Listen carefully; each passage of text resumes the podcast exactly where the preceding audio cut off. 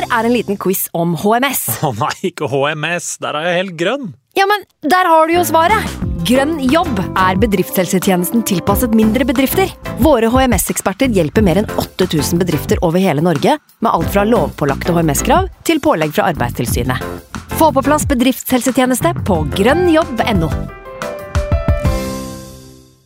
Hallo? Jeg kommer fra Oslo politikammer.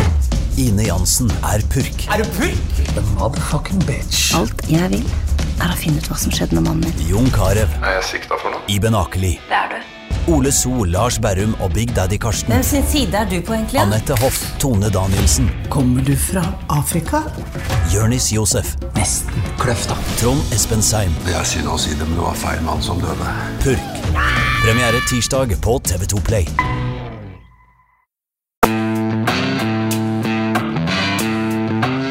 Mondays are changing. No longer that start of the week depression. We're into a whole new ball game on Sky Sports. English football was stunned by the news from Old Trafford that Cantona would be joining Manchester United. Bruce! Yes!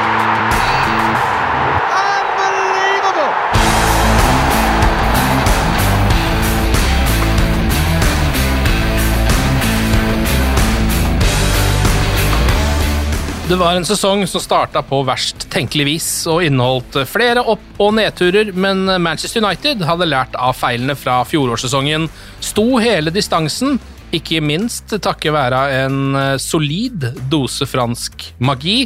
Dette er historien om ligagullet i 1992-93. Det første til Manchester United under sir Alex Fergusons ledelse. Et gull som skulle bli starten på en eventyrlig epoke på Old Trafford. Eivind Brennhovd Holt, velkommen skal du være. Takk for det. Bjarte Valen, velkommen til deg også. Tusen hjertelig takk. Dette gleder vi oss til. Ja, og dette trenger vi nå. Ehm, fordi når man eh, ikke finner så mye suksess i eh, nåtiden, hvorfor ikke gå til fortiden?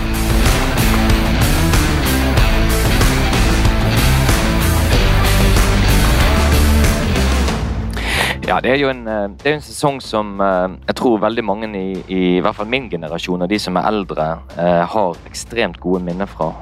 Som du sa, Ken, det var en sesong som gikk både litt opp og ned i, i, bølgedaler, spesielt på høstparten. Men, men det er en sesong som vi kommer til å huske ikke bare pga. Uh, at vi sto igjen som uh, ligavinner, men uh, det skjedde ting i den sesongen der som kom til å få veldig stor betydning for fremtiden til Manchester United og fremtiden til sir Alex Ferguson. Så på mange måter så er det et skifte i den moderne Manchester United-historien vi er vitne til den sesongen. Deilig disclaimer herfra. da Jeg var fire år på det tidspunktet, her, så jeg satt ikke i sofaen og så Manchester United-kamper. Jeg er veldig glad i de sesongvideoene som har eh, kommet ut i ettertid, og kan kose meg med det. Men det er noe helt annet å følge en sesong over ni-ti måneder eh, på en måte live. Det er da du får det litt eh, under huden. Men eh, vi har eh, Bjarte som Dette her er vel det temaet du ville gått opp i hvis du skulle opp i, i kvitt eller dobbelt? ja, kanskje. Eh, sannsynligvis eh, Jo, jeg hadde valgt antageligvis dette her. Eh, det, er, det, det er en sesong som ligger mitt hjerte ekstremt nært, og det tror jeg det er for veldig mange andre eh, som opplevde den, og kanskje ikke minst de som er litt eldre enn en meg, og som har opplevd eh, den ventetiden som det var helt fra 1967 og frem til 1993. Det var 26 veldig lange år. Syns jo også vi må nevne her, eh, Bjarte, at mange av disse spillerne har jo du eh, snakka med selv. Det fins jo et eh, en veldig god sak i United-supporteren. Den er noen år gammel nå, den er fra 2017-18. Eh, nummer åtte. Eh, 2017-18 av United-supporteren. Mourinho på forsida der. Mourinho på forsida. Slik kan han lykkes. Ikke tenk så mye på det. Ikke tenk på det. Eh, men, men da også eh, 1993-mesterne, åtte av mesterne, forteller eh, om eh, sine ting. Vil du snakke litt om det, Bjarte? Eh, først må jeg bare si Dessverre så hørte vel ikke Mourinho på rådnivå. for Han lyktes vel ikke så veldig godt etter det. Nei, eh, det, det som, eh, det som eh, meg og Lars Morten Olsen, US-redaktør, og, og meg bestemte oss for, det var at vi hadde lyst til å gjøre noe når det var 25 år siden det første ligagullet. Og da begynte vi å kaste ut et sånne der kjempebrett nett. Hvor mange av disse kan vi få tak i og snakke med, som kan fortelle oss litt om hvordan det var i kulissene den sesongen der? Eh, både før sesongen begynte, underveis i sesongen, ting som skjedde. Ikke minst den ekstremt spennende innspurten. Eh, og vi eh, hadde visst en liten sånn der eh, eh, tur eh, i hver vår retning, holdt jeg på å si. Han tok noen, og jeg tok noen.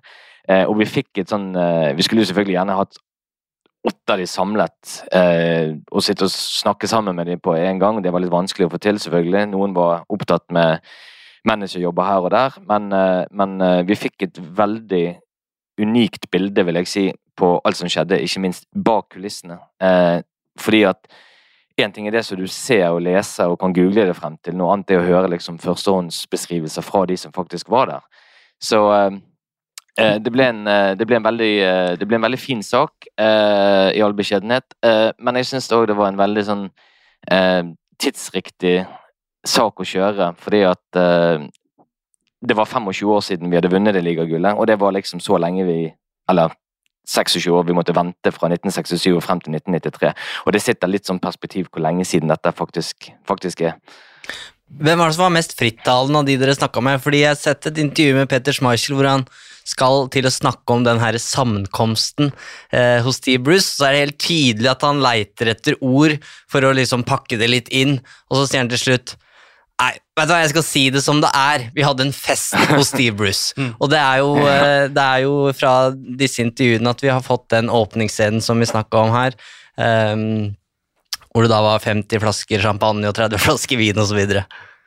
Jeg tror eh, den, den, som på en måte overrasket meg mest positivt med, med, med alle detaljkunnskapene som han hadde fra den sesongen, det var faktisk Steve Bruce. Eh, og det, det, var ikke bare for det han kunne huske fra festen hjemme hos seg sjøl, men det var, det var, liksom sånne små anekdoter og episoder hele veien gjennom sesongen.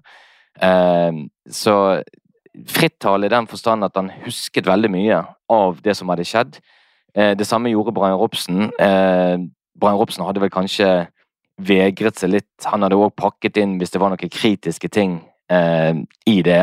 Eh, ellers må jeg si det at eh, Kanchelskis òg faktisk imponerte meg eh, ganske mye. For du ville jo tro at alle han snakket Ja, litt sånn stotrende. Jeg hadde heldigvis med sønnen, som òg heter Andrej. Andrej junior. Han eh, var han var tolk, eh, men eh, Andrej Kansjelskis snakker greit engelsk. Jeg tror han ble bare litt sånn Det var lettere for han å, å snakke på russisk, men vi, vi satt bare oss to eh, en liten periode der og snakket, så var jeg overrasket over hvor bra engelsk han snakket. Men på det tidspunktet her så snakker han jo veldig lite engelsk. Du må så jo plukke, del... opp, plukke opp tråden der. Andrej Kansjelskis, eh, født i Ukraina, spilte for det sovjetiske landslaget. Mener han skåra det siste målet for Sovjetunionen, um, men valgte å representere Russland i etterkant. Altså, han, han, må jo sitte og føle i disse dager på en veldig sånn uh, spesiell, mm. uh, spesiell følelse, egentlig. Han kom jo til United fra Sjaktar Donetsk, um, egentlig for et slikk og ingenting. En, en, en, litt sånn på samme måte som Fred. Han kom ikke for slikk og ingenting, men han kom fra samme klubben med en litt annen bakgrunn. Uh, men det, som, det, det, sier liksom alt om hvordan fotball fungerte tidlig på, på 90-tallet. Når, når eh, uh, Kanchelskis kommer til Manchester United, så har overgangen blitt formidlet eller kommet i stand via den norske agenten Rune Hauge, som eh, Førgussen har vært på jakt etter en, en ving. Og gir gass på Kanselskis. Kanselskis sjøl møter opp på flyplassen og skal fly til England, men han vet faktisk ikke hvilken klubb han har signert for. Han aner rett og slett ikke hvilken klubb. Det eneste han vet, er at han skal til Nordvest-England. Og der kan det være Liverpool, det kan være Everton, det kan være United, det kan være City. Det kan være, det kan være hvilken som helst klubb oppi der. Og det er først når han blir hentet på flyplassen, kjørt fra flyplassen og til Old Trafford, når han kommer til Old Trafford, da vet han at det er Manchester United han har signert for. Det er ganske utrolig å tenke på. Jeg tror ikke det er så mange spillere som hadde følt det på samme måte i dag. Raymond van der Rau, reservekeeperen fra Nederland, han hadde litt på samme måte. Han også sto på flyplassen på Schiphol i, i, Amsterdam uten å vite hvilken uh, engelsk klubb han hadde gått til, før agenten hans fortalte det. Det første Kaczerski sier til uh, sir Alex Ferguson Bolt Trafford Fuck off, you Scottish bastard. Bruk av noen kompiser. det er den frasen han har lært seg, ja. Men Så er det jo en rød tråd i de spesialene våre, da, heldigvis. Um, fra Busby Babes til Fergusons første trofé i 1990, som vi har snakka om, og, og Class of 92. Uh, og jeg tenker at Fergusons første ligatrofé her er på mange måter vekslinga eh, av alle de her. Det er et øyeblikk som alle deler. Eh, når Manchester United da vinner eh, Premier League i 1993, så, så, er Matt Busby der, Paul Trafford, og, og får se det før han eh, forlater jordkloden. Bobby Charlton er der, Bill Folks, eh, Harry Gregg, George Best, Dennis Law. Alle de her får oppleve da, at Manchester United vinner ligaen igjen for første gang siden 1967. Eh, og på tribunen så sitter jo også da Neville-brødrene, Butt, Scholes, Beckham og ser hvordan det skal gjøres. Så jeg syns ikke det kan undervurderes helt hvor viktig den sesongen er. og det er ikke bare et eseløre i Uniteds historiebøker. Eh, dette er jo den første Premier League-sesongen, og det er jo så mye mer enn bare et navnskifte Det det, jo, det var jo datidens superliga. Um, ja. Litt overraskende for meg hvor likt eller hvor like de to prosessene egentlig var. Altså Premier League-igangsettingen eh, og Superligaen eh, hvil i fred, som aldri, aldri ble noe av. Eh, men eh, det får man jo med seg når man eh, leser og ser på stoff om akkurat det her, at det var jo den samme følelsen man hadde i England som eh, vi nå har sittet med rundt Superligaen. Altså ikke spesielt gode følelser, egentlig. Nei, det er, det er jo de to, 22 største lagene som bryter ut for å få en større del av kaka. Altså, det kalles en superliga, det. Ja, Det var en kake som blei likt delt mellom alle klubbene i, i, det engelske ligasystemet, mens Premier League ville bryte ut, eh, lage sin egen liga. Eh, og a whole new ball game var jo uttrykk som blei brukt veldig mye. Eh, og det fins en veldig god eh, Premier League-dokumentar som ligger på NRK, som folk eh, burde se enten før de hører denne episoden her, eller etterpå. men og der ser du jo hvor viktig Sky er i, i, opprettelsen av Premier League her, og ikke minst av Robert, Rupert Murdoch, eh, som betaler 300, 300 millioner pund for rettighetene og, og dermed blir erklært gal i England, fordi det er, det er, en så høy pris. Det var jo ingen som så på det eh, engelsk fotball på den tida, som man jo kanskje Eller alle folk så på det, men det var ingen som så på det som eh, noe som var verdt 300 millioner pund. For det var jo en helt annen, eh, en helt annen tilværelse. Det var mer gjørme, møkkete shortser og lange baller. Good evening to you. Manchester City and Queen's Park Rangers tonight, marking the start of a whole new era. Our Monday night football really will be worth watching, particularly when the nights close in and we're under the lights. Nå, det er jo nå på en måte fotballen skal amerikaniseres, da, for de ser jo til USA når de skal gjøre et produkt av, uh, av fotballen, som på mange måter har vært prega av hooligans i, i, gjennom 70- og 80-tallet. Nå skal det bli et helt annet produkt. Um, og det er blant annet en, en uh, TV-reklame som er veldig god der, som, som, gir oss et godt bilde på de, hvordan de forsøker å selge inn Premier League som ikke bare eh, sport på tribunen, men som også nå skal bli en TV en TV-greie. Noe som heter Sky Strikers. De prøver seg med cheerleadere. Mm. Det funker sånn passe. Ikke helt den samme samme begeistringa på engelske fotballtribuner som i, eh, på NFL og NBA-kampene i, i, USA. Eh, og så begynner de med mandagskamper, som ikke hadde vært, eh, vært eh, tilfellet før i, i, England. Også det har en tilknytning til USA, der de har sett at det er dobbelt så mange kvinnelige seere hvis det er sport mandag kveld kontra en søndag. Um, så det er en voldsom satsing. Fotballen kommersialiseres enkelt og greit. Eh, fotballspillere skal på en måte gå fra å være bare fotballspillere til å bli like store som, som rockestjerne. Han som på en måte står backstage her med kontrollen, det er jo Murdoch. Og for de som har sett TV-serien Succession, så er jo den løst basert på Murdoch-imperiet. Um, akkurat det med rockestjerner er en ganske passende metafor.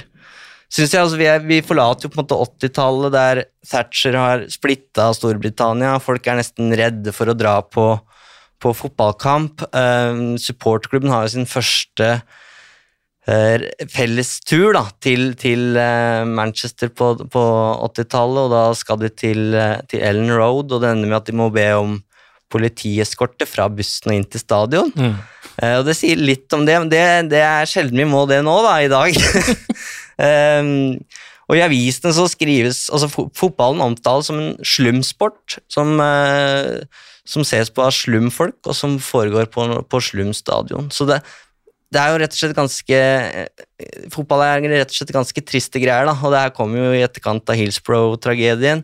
Stretford End er borte, eller ståtribunen på, på Stretford End er borte, og da forsvinner også mye av kulturen, så det er et skikkelig skifte inn i 90-tallet. Eh, Manchester har vært en grå ganske trist by i mange år. Det har liksom vært kun industri der i, i alle år, men nå er det plutselig blir det på en måte plutselig liv i byen da, på, på 90-tallet, og pulsen som, som, slår, det er fotball og musikk. Da. De går hånd i hånd. Eh, og veldig godt bilde av det syns jeg er altså, Tenk deg den generasjonen som, som vokste opp i, i Manchester på, på, på, den tida der, så tenker jeg at det var ut på, på nattklubben Hacienda på, på fredagskvelden, eller kanskje en Stone Roses-konsert. Holde på ut i de lange nattetimer, og så er det å bare få i seg en frokost og nesten dra på, på Norwich Away i de samme klærne, liksom, med de samme folka. Eh, sitte på bussen der og, og reparere. Eh, og det var helga, liksom. Mm. Eh, Stone Roses-konsert og United-match. Men samtidig så er det et monster som plager alle Mancunians, og det er et monster som har vokst seg større og større for hvert år som har gått siden laget sist vant ligaen i, i 1967. og vi skal ikke altså Husk at Ferguson har jo vært i United i seks år allerede, på det tidspunktet her. Han er under et voldsomt press også. Ja, og det var i 1989 Tara Fergie-plakaten ble reist, liksom, så det er jo her tre eh, ja, fire år siden, da. Mm. Det er jo eh, minst eh, fem-seks managere nåtidens, med nåtidens regnemetoder, men, men allikevel. Nettopp, og, og, det er ingen som hadde fått den tida i, i, i dag, det, så de sammenligningene tilbake til, til Ferguson her, han er, syns jeg, er litt, litt irrelevant i dag, fordi han ville aldri ha sittet gjennom de seks åra her, sannsynligvis.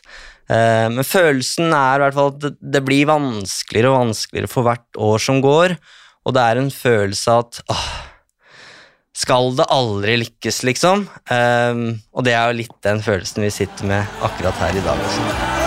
The FA Premier League, live, only on Sky. It's a whole new ballgame. Det er grytidlig på morgenkvisten 3. mai 1993. Klokka har akkurat passert halv sju på morgenen, og Steve Bruce han eh, ligger og sover som en stein, han. Men så våkner han da, eh, når han hører lyder fra etasjen under. Så tenker man, er det innbrudd? Nei da, det er det ikke. Det er ingen innbruddstyver der, men Brian Robson er der sammen med eh, kona Denise, og de rydder. Hva er det som har skjedd her, Bjarte?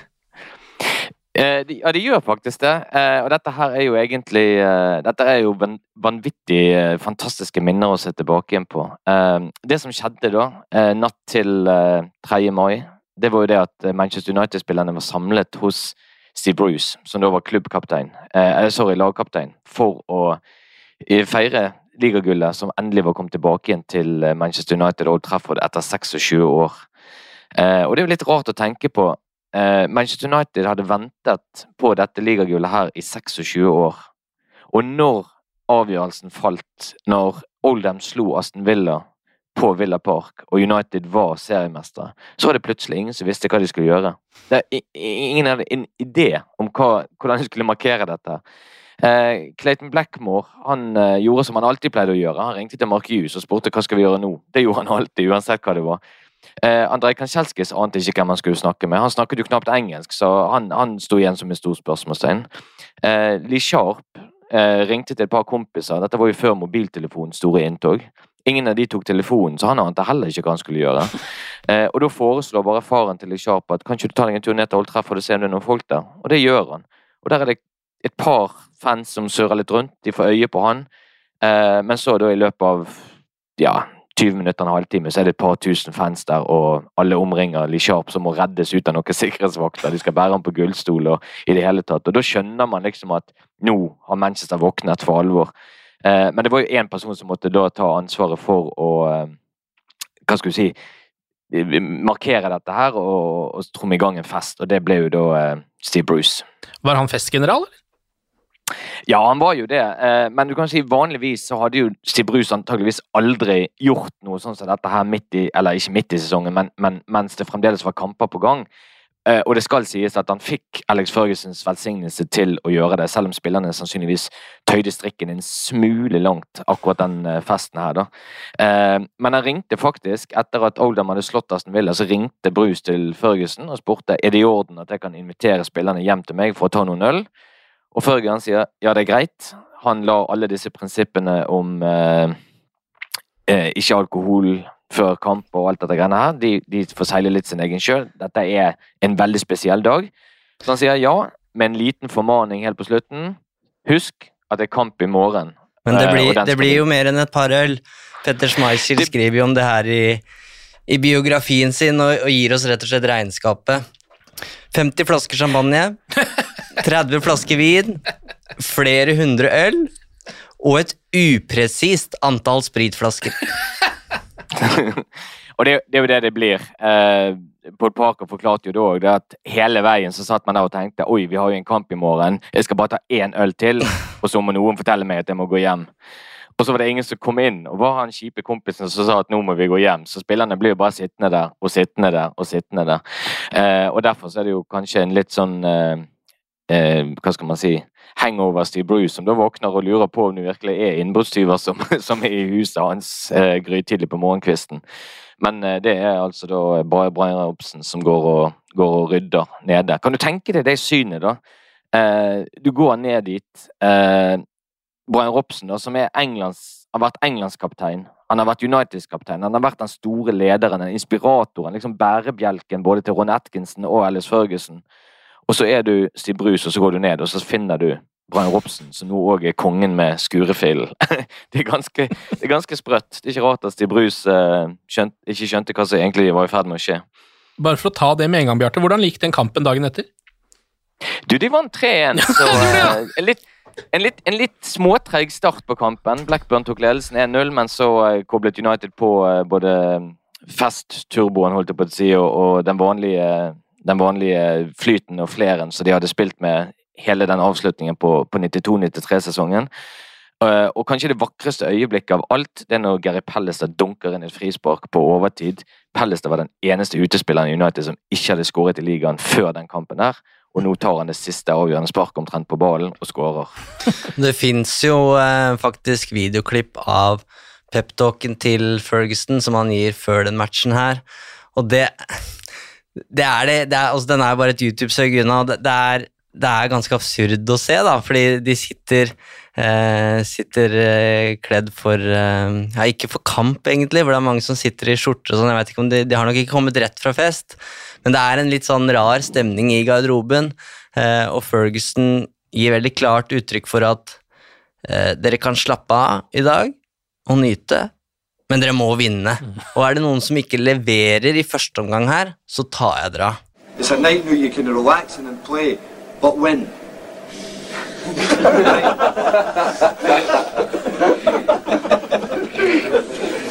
Uh, og du ser liksom Paul Inn ser forskrekka ut, sikkert med litt sånn lett fylleangst. Uh, Paul Parker sitter og, og gjesper. Uh, Peter Schmeichel ler litt sånn nervøst. Så det, ja, en, en, eh, en helt absurd uh, peptalk eh, som uh, til slutt får et, et, godt utfall, da. Men vi kommer tilbake til, til den kampen der, for vi, vi, skal jo gjennom sesongen her først.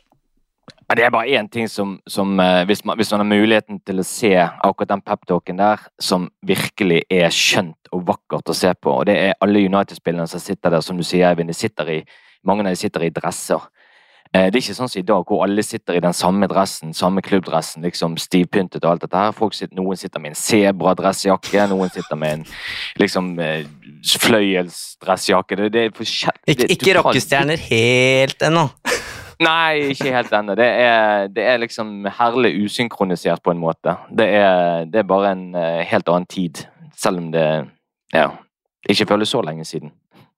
Ja, og Vi får skru litt tilbake først. Da tenker jeg tilbake til um, ligainnspurten i, i 1992, for da var det ikke så god stemning i den eh, United-garderoben. Nei, det var det definitivt ikke. Fordi at, eh, altså Du kan si kontrastene til det som skjer eh, et år før festen hjemme hos de Brus, den, eh, den, kunne jo nesten ikke vært større. da. Eh, Riktignok så vinner Manchester United den siste seriekampen eh, hjemme på Old Trafford eh, med 3-1 mot Tottenham. Eh, men det er jo ingen som jubler, fordi at United har mistet ligagullet til Leeds helt på tampen av sesongen. Mark Hughes skårer mot Tottenham, men det er første gangen han skårer i ligaen på 13 kamper. Han har mistet det helt akkurat når vi trengte det som mest. Eh, og du kan si nedturen var egentlig komplett, for dette var sesongen der alle trodde at Manchester United kom til å lykkes, før vi totalhavarerte på slutten.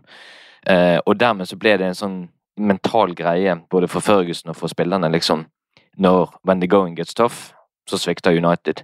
Eh, og å gni liksom maksimalt salt inn i såret til United, så faller avgjørelsen. Det avgjørende tapet til Manchester United det kommer til alt overmål mot Liverpool, og det er på Anfield.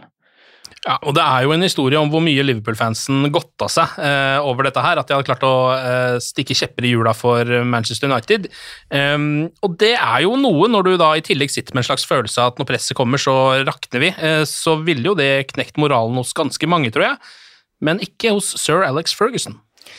Du er på bånn når du har tapt 2-0 for Liverpool på Anfield og skal sette deg i, i bussen og, og, reise hjem til Manchester, og så er det en supporter som spør om autografen eh, til, til, Ryan Giggs. Eh, han er jo en ung fyr på det tidspunktet her.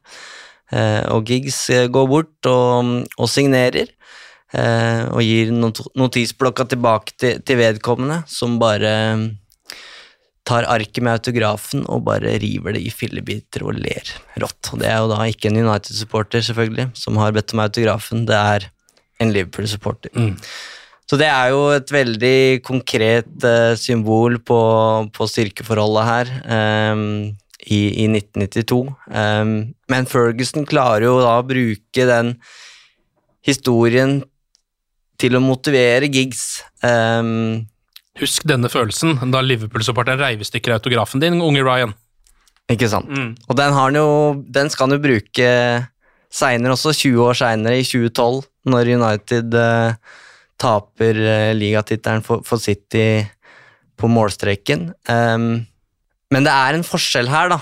Og det er at i 1992 så er jo ikke Manchester United størst. Det var de i 2012. Uh, eh, så de hadde alt å tape i, i, i den ligaracet mot Manchester City. Mens i 1991 så, jo, så har de jo da ikke vunnet serien siden ja, på, på, 24 år, da, på det tidspunktet der. Og da har de jo ikke like mye å tape. Um, så ut ifra flere av de intervjuene som jeg har sett, hvert fall, så virker det som det var en Det var en mer resignasjon, da, en motivasjon i, i forkant av den 92-93-sesongen. Det var i hvert fall, som Bjarte sier, altså det var, det var den sesongen de skulle lykkes, så var nå. Men selv om Manchester United ikke er eh, på langt nær den mest suksessrike klubben i, i England på det tidspunktet, her, så, så, virker det som at alle nesten har et horn i sida til, til, den klubben der. Hvorfor, hvorfor, hvorfor er det sånn? Eh, jeg, jeg, tror, jeg, tror, mange på det tidspunktet der så at det var et generasjonsskifte, eller et mulig tronskifte, i, i emning. Liverpool hadde vært eh, totaldominerende gjennom 80-tallet, med en liten periode for Everton hvor de var oppe og, og uh, utfordret Liverpool. Eh, Arsenal var så vidt oppe der en liten periode, men, men man, man, så på en måte på Manchester United som en sånn hva skal vi si, nesten et hvilende monster. En sånn storklubb som hadde underprestert så lenge, og nå begynte man kanskje å ane konturene av at United var nærmere og nærmere og nærmere å vinne ligaen. Det hadde gått jevnt og trutt på frem for Sir Alex Ferguson siden han vant FA-cupen i 1990. Så jeg tror, jeg tror eh, den skadefryden som var hos andre lags supportere, eh, praktisk talt alle andre lags supportere, den, eh, den fikk på en måte blomstre fritt akkurat uh, i våren 1992, når United uh, ikke lykkes. Og det, det, som, det, som, er litt interessant med den innspurten i 91-92-sesongen, det er jo det at altså, United og Leeds de går jo liksom Eh, de er jo neck i neck. De følger hverandre veldig, veldig tett. Eh, men som vi vet, eh, United går til ligacupfinalen den sesongen der og får en del flere kamper enn Leeds der. De kommer òg lenger i, i FA-cupen enn Leeds. De slår vel Leeds faktisk både i ligacupen og i FA-cupen. Sånn at du på en måte Mange så, trodde det at United fikk et mentalt overtak på Leeds der. Det som er problemet til Manchester United, det er at de nå plutselig fikk en del hengekamper. Og de hengekampene de kommer tett som hagl på tampen av sesongen. Og akkurat når det gjelder som mest, så får United altså da fire kamper på kun syv dager. Eh, og det er egentlig et, eh, et, kampprogram som er helt, helt vanvittig. Og dermed så ender United opp med å tape kamper mot lag som du hadde nesten ja, innkassert seieren på forskudd. For eksempel mot eh, mot Westham. 1-0 i, eh, i Øst-London. Westham som da kjempet en febrilsk kamp for å, for å, overleve. Det var jo ingen som hadde trodd at United skulle reise dit og, og tape. Eh, og akkurat det tapet mot Westham gjør jo at nå er det ikke lenger Uniteds egne hender. Nå må United eh, se at hvis ligagullet skal komme til Old Trafford, da må Leeds faktisk snuble òg. Eh, og eh, Kenny Brown, da, som skårer det målet som senker United på på Upton Park. Han har jo senere sagt det at eh, dette var jo før eh, internettstid og før sosiale medier og alt sånt der, så spillerne i de forskjellige klubbene de fikk av og til fanpost, uh, og det var liksom brev som var skrevet enten for hånd eller på en maskin og sånn, og sendt fysisk til klubben, og så hadde hver spiller en sånn posthylle. Uh, og hver dag så gikk en av disse ansatte i klubben og, og la en og annen uh, konvolutt i posthylla. Det var gjerne en ung fan som ville ha en autograf eller et eller annet sånt. Uh, og Kenny Brown han hadde ikke fått et eneste brev, så han lurte på hvorfor ikke han hadde fått noe som helst post. Og da får han plutselig nesten en hel sekk foran seg av eh, den, den, i Westham som styrte dette, der, og sa at vær så god, her er, her er, din post. Og han skjønte jo ikke hva det var for noe før han begynte å lese brevene. Og nesten hvert eneste brev han hadde fått, det var fra Leeds-fans som bare ville takke ham for den skåringen som eh, vippet ligagullet i favør av Leeds. Dette her er altså en United We podcast eh, om eh, Sir Alex Fergusons første ligagull, men nå er vi eh, ett år før. Ligainnspurten 1992. United har nettopp driti seg ut og mista ligagullet sitt etter et tap mot Westham. Og det er litt sånn ekstra vemodige tider, fordi stående Stratford End er det jo slutten på. Eh, ærverdige Stratford End. Nå skal det da bli eh, ja, bare sitteplasser og VIP-fasiliteter, og ikke noen av de gode gamle Stratford End-følelsene rundt det. Eh, men så finnes det jo alltids én mann da, på denne tida her i Manchester United som kunne løfte stemninga. Sir Alex Ferguson. Ja, det var, det var, jo, det var jo på en måte en scene som var, var skapt for motivatoren Alex Ferguson. Um, og jeg husker eh, Andrej Kanselskis fortalte det at eh, når Alex Førgussen kommer inn i garderoben etter den siste hjemmekampen mot Tottenham, så ser han rundt seg så ser han bare skuffede spillere, til tross for at de hadde vunnet den kampen. Eh, han begynner med å ønske de spillerne som skal til EM i Sverige med sine respektive landslag, lykke til. eh, og sier det at eh, neste år så vinner vi ligaen. Garantert. Ha en god sommer, slapp av, og så møtes vi igjen om noen uker for å ta fatt på den oppgaven.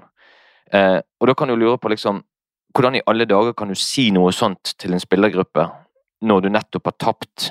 Vi vinner ligaen igjen neste år. Eller vi vinner ligaen neste år, garantert. Det er jo hva skal du si, det, er egentlig helt merkelig på en måte å si det. På en annen side så er det akkurat det spillerne trenger å høre. De trenger noe som kan bygge dem opp. Eh, og Kansjelskis fortalte jo det at dette var noe som på en måte ble hengende i bakhodet hans hele sommeren. Han visste eh, at det Førgussen hadde sagt, rett og slett betød at Førgussen var sikker på at den stallen han hadde, var god nok til å gå hele veien. At de spillerne som satt der nå og var så nedtrykt og nedbrutt, de var den samme gruppen som kom til å klare å gå hele veien. Så han var overbevist om at neste sesong skulle bli bedre. Vi kan jo ta en liten gjennomgang av uh, elveren til Manchester United. Uh, den elveren som skulle da, i hvert fall ja, sammen med en del av innbytterne også, selvfølgelig, men den elveren som stort sett eh, starta matchene uh, og skulle sikre United ligagull. Det er jo da Peter Schmeichel i mål, eh, som kommer rett fra et EM-gull med Danmark og sikkert har eh, nok av selvtillit i bagen, vil man skulle tro. Vi har eh, Paul Parker, Steve Bruce, Gary Pellister og Dennis Irvin eh, i backrekka. Eh, kantene, Giggs og Sharp, klassiske Manchester United-kanter. Ince og McClair eh, på midtbanen, og helt foran, da, Mark Hughes og Erik Cantona. Når man ser på det laget til United her, så var det jo slik at i dag så sitter man gjerne og lurer og grubler på fire-fem posisjoner på laget før en kamp. Den gangen der så visste jo spillerne i all hovedsak hvilke elleve spillere som skulle starte den neste kampen, lenge i forveien. For det, var så satt, det laget der. Eh, eneste alternativene Førgussen vekslet mellom, det var om, om man brukte Kanchelskis eller Lichar på høyrekanten som regel, eller kanskje av og til flyttet Lichar på over på venstre. Bortsett fra de kantene, så var laget satt nesten hele veien.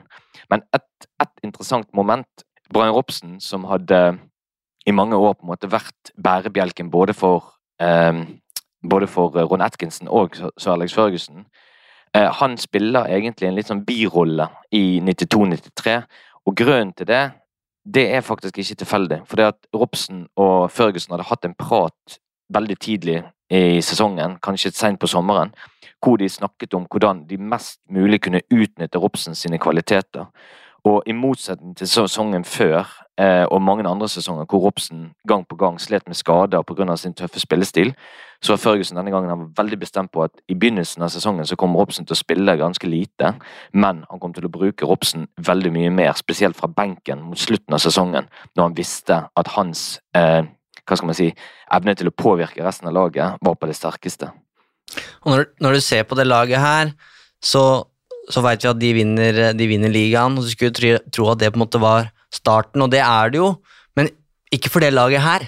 For der kommer jo Class of 92 og, og, erstatter en del av de eh, brikkene som du snakker om der, eh, Bjarte. Og Roy Keane skal jo komme fra Nottingham Forest neste sesong. Det er på eh, mange måter slutten for mye, mange av de spillerne i det laget her. Og så er det verdt å merke seg hvor mange av de her som er kupp. Altså Peter Schmeichel, Dennis Irvin, Erik Cantona.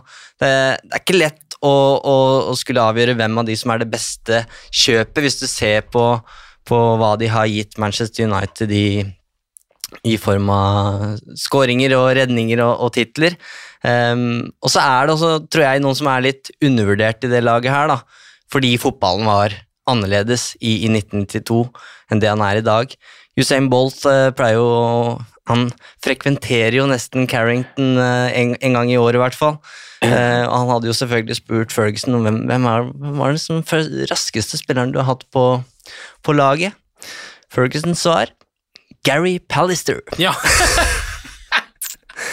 Ingen kunne slå opp gode, gamle Pally når han kom opp i, i toppfart. Sannsynligvis ikke så rask som, som Giggs på de første meterne, men ufattelig rask, visstnok. Og nå er det jo altså da, eh, før sesongen eh, starta, før sesongen 92-93, da eh, United-spillerne tok sommerferie, og da det var fotball-EM, så sa jo altså sir Alex Ferguson at han var helt 100% sikker på at denne sesongen ble det ligagull. Men sånn så det slett ikke ut til å begynne med, for de starta vel ikke så bra som man kanskje skulle håpe. Det kan du uh, trygt si. Uh, det kan vi før, før, selve sesongen starter, så kan vi bare legge til, for de som sikkert husker det, eh, så litt opp i årene eh, United la jo deler av preseason sin til, eh, til Norge. Ja. Spilte, blant, spilte, mot Start, vant 3-0. Spilte mot Lillestrøm på Åråsen. Den, den endte 1-1. Den kampen var jeg på. Det var min aller første Manchester United-kamp, faktisk. Tenk at det skulle skje på Åråsen av alle plasser. og da husker jeg utestedet Checkpoint Charlie jeg vet ikke om det fins lenger, men de hadde supportertreff i regi av supporterklubbene. Der dukket altså da en haug av United-spillerne, inkludert Sir Alex Førgussen, opp og tilbrakte en hel kveld der. Det var helt magisk, eh, og helt utenkelig selvfølgelig å gjøre noe lignende i dag på et, eh, på et utested. Og så avslutta de da turen i Norge med en kamp mot Rosenborg på Lerkendal, hvor de vinner 3-2. Laget ser mye det samme ut som det gjorde sesongen før. Eh, og Ferguson er optimistisk. United er optimistisk når de eh, møter Sheffield United i eh, åpningskampen mot, på Bramall Lane. Men eh, som du sa, Ken, det åpner ikke bra i det hele tatt. Brian Dean har jo skrevet seg inn i historiebøkene med tidenes aller første Premier League-mål, og det kommer jo da mot Manchester United. Eh, Brian Dean, en spiller som faktisk Ferguson var interessert i å hente. Eh, det har Dean sagt sjøl, men sånn, sånn, gikk det jo ikke. Eh, Clayton Blackmore, den eneste spilleren som faktisk spilte den aller første kampen som Alex Ferguson ledet United i, i, eh, i 1986. Han var den eneste spilleren da som var igjen på det laget, som òg startet den første Premier League-kampen. Han får jo da den ulykksalige æren av å servere den første målgivende pasningen i Premier Leagues historie, for det er hodestussen hans går til Brian som header inn bak Peter Schmeichel. Eh, men United de, eh, de sliter spillemessig. De, eh, de, de, møter et lag som er heltent. Og, og, litt av grunnen til at Sheffield United var så heltent, det var litt så morsomt, men, men, men de, de, var et lag som besto av underdogs de luxe. Eh, og året før så hadde de startet sesongen forferdelig dårlig. Og så kom de til jul, og da begynte de for alvor å vise tenner. Og på grunn av at den juleperioden ble så avgjørende for Sheffield United sesongen før, så hadde manageren deres, da, Dave Bassett, som alle kalte for Harry av en lang merkelig grunn, jeg vet ikke hvorfor, eh, han hadde funnet ut at han skulle starte julehøytiden i august for å kickstarte spillerne. Så han hadde kledd seg ut som julenisse han, i peptalken til spillerne, og gikk inn i garderoben eh, ukledd som julenisse. Eh, og det du kan si, det er jo litt så morsomt og litt latterlig, og sannsynligvis aldri noe Ralf Ragnhild hadde gjort for, for å kickstarte Manchester United. Men eh, det hadde en effekt på spillerne i den forstand at de slapp seg litt mer løs. De senket skuldrene en smule. Eh, og i første serierunden på, eh, på Brummer Lane så, eh, så, slår de United 2-1. Eh, og, og United får akkurat den starten de ikke trengte, for å si det sånn. De taper 2-1.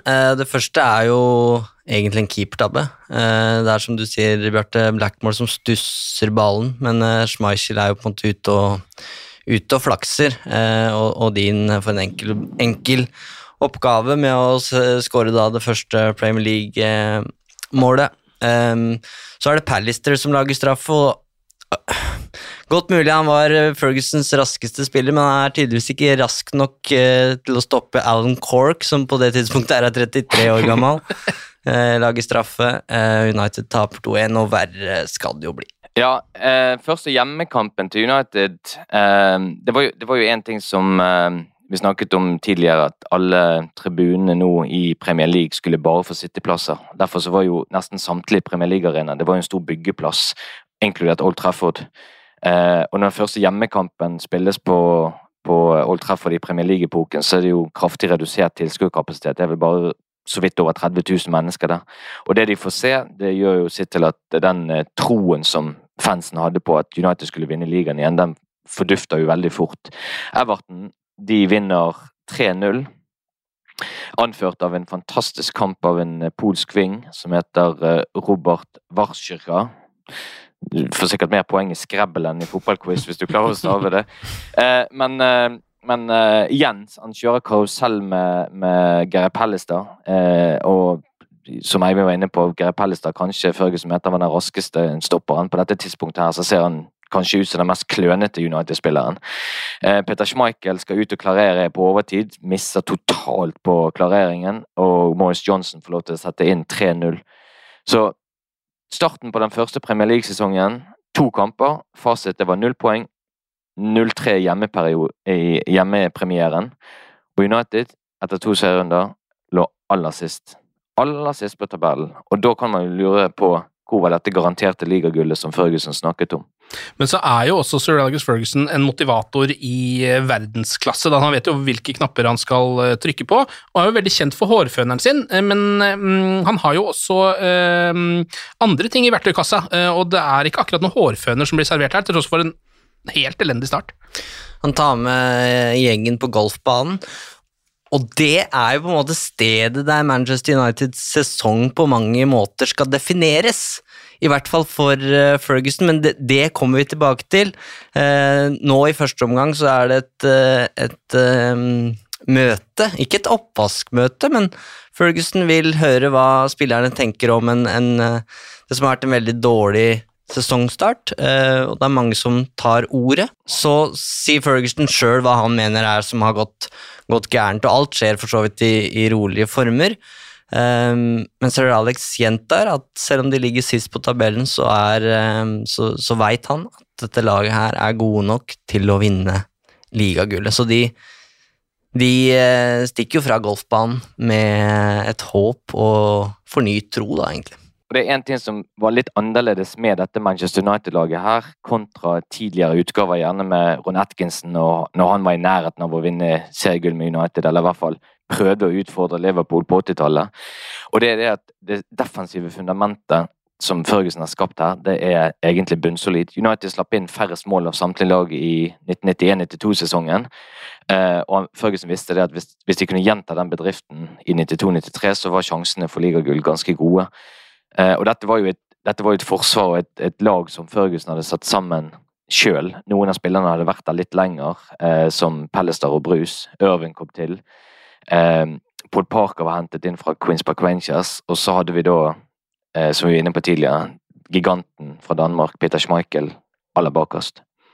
Um, hvor viktig egentlig tror du Peter Schmeichel var for dette laget? Er det kanskje bitte lite grann undervurdert, eller?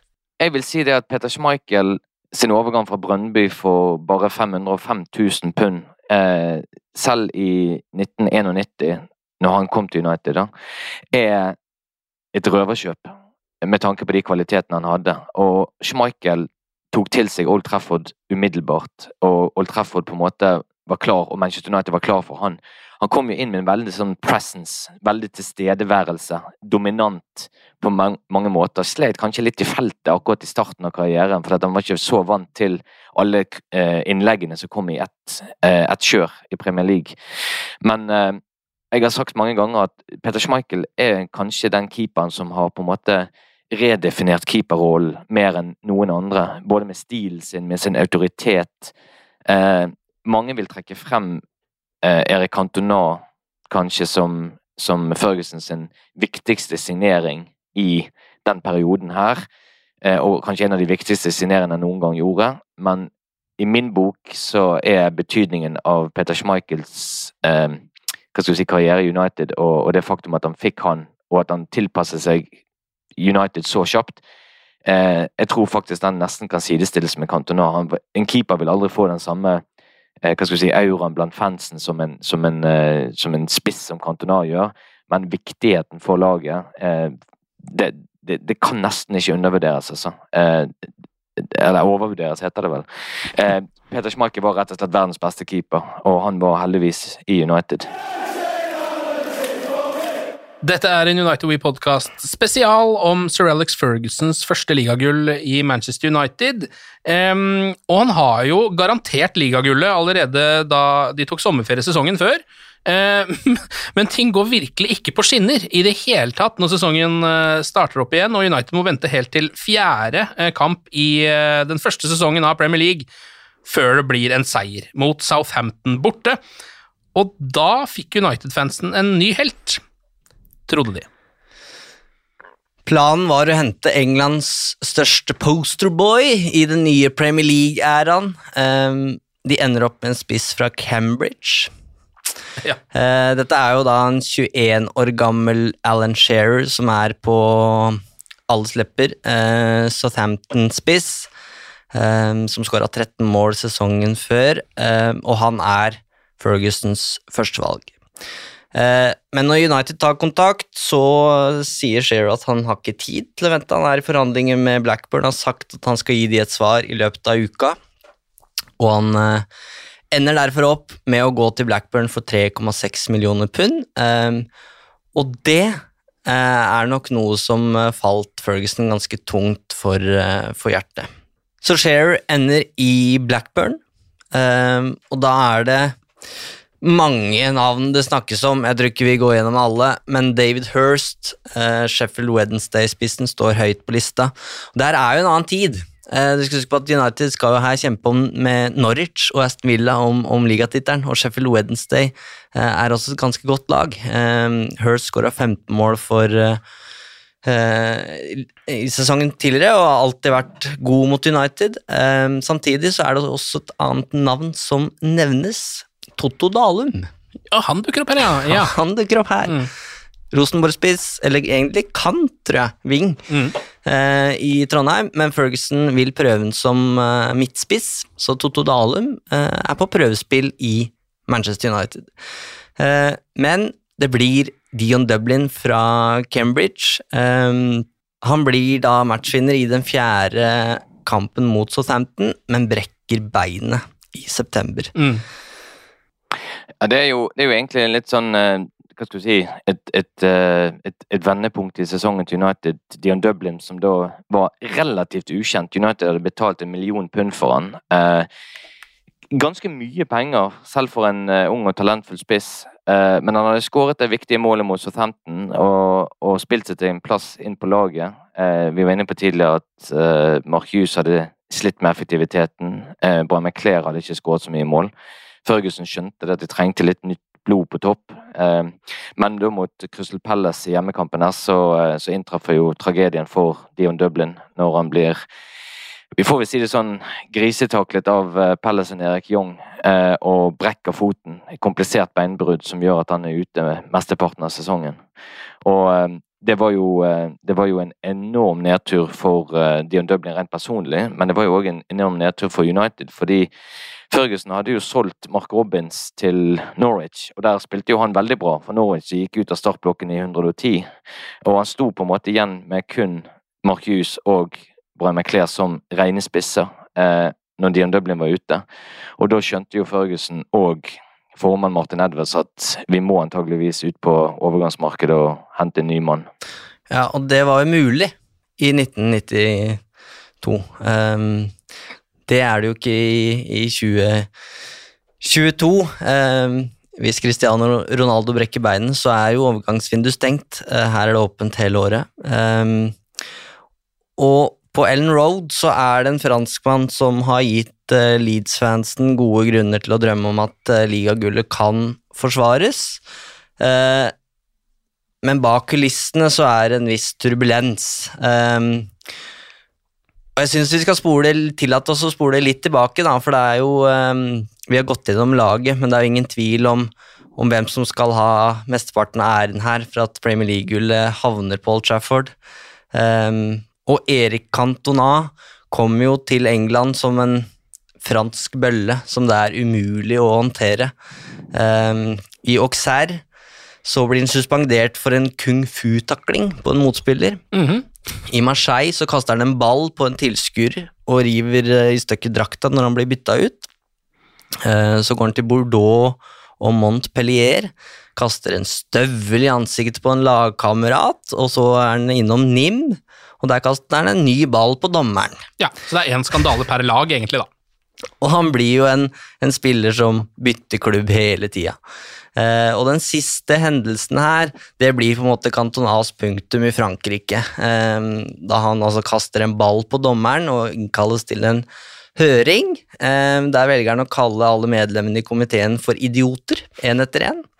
Eh, han eh, får eh, for så vidt en velfortjent to måneders suspensjon, vil jeg hevde, og responderer med å si at nei, jeg legger opp. Ja. Dette gidder jeg ikke. Cantona scores a typically outstanding goal, but it's what he says afterwards that will make astonishing headlines across France. Emotionally overcome, he launches into a bitter attack on the French coach. The French FA's response is swift. They ban Cantona from all internationals until further notice. One of the best strikers in Europe is exiled in his own country. Cantona er jo en artist. Man ser jo eh, hva han kan i, i utrette på fotballbanen. Eh, så han overbevises av Platini om å ikke legge opp, eh, og av eh, Gerard Holier om å starte på nytt i England. Så i januar 1992 så signerer Erik Cantona for Leeds, eh, og fire måneder seinere så er han ligamester. Eh, han skårer hat trick i, Charity Shield mot Liverpool eh, noen måneder seinere, og er den første som gjør det i Charity Shield, da, vel å merke, siden Tommy Taylor i 1957. Apropos rød tråd og Busby Babes. Um, og så skårer han et nytt hat trick eh, mot Tottenham i, i ligaen litt seinere, og Skårer nesten med et ganske sånn akrobatisk sykkelspark på Old Trafford i september, eh, og det, det får Ferguson med seg, selvfølgelig, men det er problematisk da bak kulissene på Ellen Road. Uh, Howard Wilkinson finner liksom ikke plass til Cantona. verken i ja, det ganske rigide 4-4-2-systemet. Nå spilte vel de fleste 4-4-2 på det tidspunktet, Ja. men Howard Wilkinson, Wilkinson erkebritisk. Mm. Eh, og det er på en måte ikke helt plass til eh, artisten Erik Antonai i systemet hans. Og heller ikke i garderoben så, så glir eh, Cantona helt inn. Det som òg er litt sånn eh, interessant her, det er jo det at før han skriver under for Leeds, så er faktisk Erik Cantona på prøvespill i Sheffield Wednesday. Eh, og godtar at han skal prøvespille én gang, og så sier Trevor Francis, som da er manager, at han vil se mer av han, og at han trenger litt mer betenkningstid. Og da responderer Cantona med å si det at 'jeg prøvespiller ikke to ganger'. Og så havner han i Leeds. Så du kan si eh, tenk, tenk om Trevor Francis hadde sett potensialet i Cantona eh, på samme måte som Alex Ferguson hadde gjort. Det er ikke sikkert vi hadde sett Cantona i United i det hele tatt.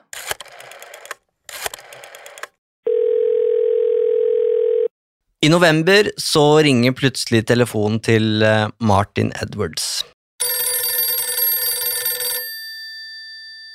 Hei, Martin. Det er Bill Fodderby fra Leeds her. Kan vi kjøpe Dennis Irvin? Nei. Men kan vi kjøpe Erik Cantona? Oh, Erik Cantona, jeg har mye problemer. Skal vi se ja, halv, Halvannen mill., eller? Er det Maks én million. Er du gæren, eller? En, altså, en trøblete fyr, men 1,2, da. Én million. Deal. Omtrent sånn var det. Sånn skjedde det. Nei, dette er, eh, dette er jo kanskje den mest omtalte eh, Hva skal jeg si, Hvis, hvis faksmaskinen eh, som stoppa Digia-overgangen, er den mest omtalte faksen, så er det her den mest omtalte telefonsamtalen i, i engelsk fotball. Eh, og det fins to versjoner, og vi skal ta begge to. Eh, ifølge sir Alex Ferguson så eh, ringer Fodderby Edwards mens Ferguson er på kontoret. Så det er Eh, Leeds som tar kontakt med Manchester United. ja, og det er opplest og vedtatt for så vidt. Ehm, og Fodderby ehm, spør om å kjøpe Dennis Irvin. Ferguson skriver på en lapp 'Ask about Cantona' eh, og gir den til, til Martin Edwards. Han er litt opptatt med å avslå eh, Leeds eh, forsøk på, på å kjøpe Dennis Irvin, for det er helt uaktuelt. Ehm, så kanskje litt forfjamsa, men han spør til slutt eh, Fodderby eh, om Cantona er, han, er det muligheter der. Eh, og blir kanskje enda mer forfjamsa når han skjønner at jo, Det er det. det er muligheter for det. Eh, Martin Edwards har en litt annen versjon, eh, som han forteller om i, i eh, nevnte reportasjen. Han forteller at han snakka med Fodderby om Irvin, eh, men at han var aleine i rommet.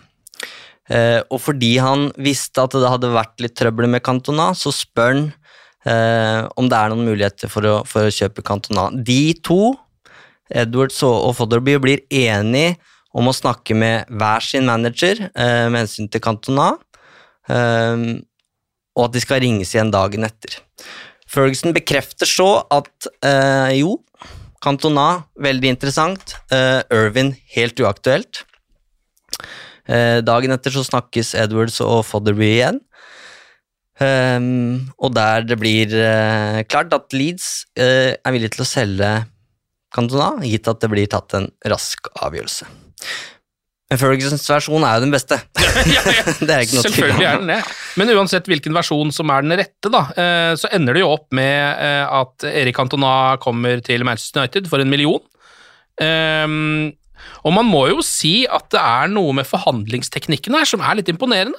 Eh, fra om det er Edwards eller Ferguson eller begge to eh, sammen, så er det jo den ehm, eh, den måten å si det på. We'll take him off your hands. Vi kan løse ditt problem, og du får penger. Det er helt genialt. Vi kan, eh, vi kan ta problemet ditt, men vi kommer ikke til å betale mer enn én million for det. Eh, Så de klarer jo på et eller annet vis å skjule sin eh, intensjon, eller sånn med tanke på hvor mye de faktisk trenger en spiss, og at de trenger Erik Cantona. Og hvor mye de faktisk sannsynligvis hadde vært villige til å betale også, for det er vel ja, kanskje det dobbelte hvis de hadde begynt å presse litt på det her.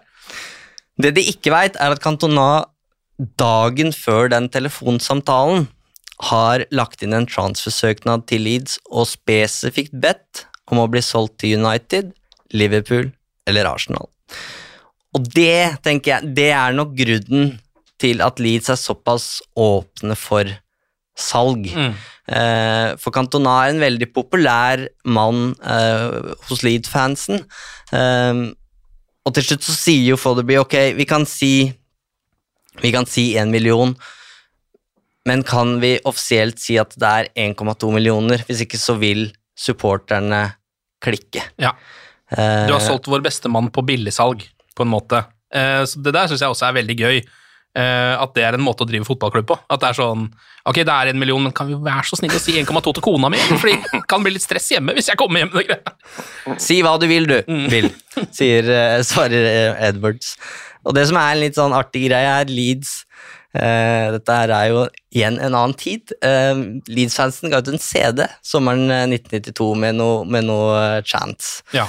Eh, og på den, et av sporene på den CD-en er eh, en tale Cantona hadde til fansen eh, etter at de vant ligagullet. Men etter at Cantona selges til Manchester United, så gis det ut en ny versjon av den plata med ett spor mindre. Ja. Du kan jo gjette hvilke spor som er borte.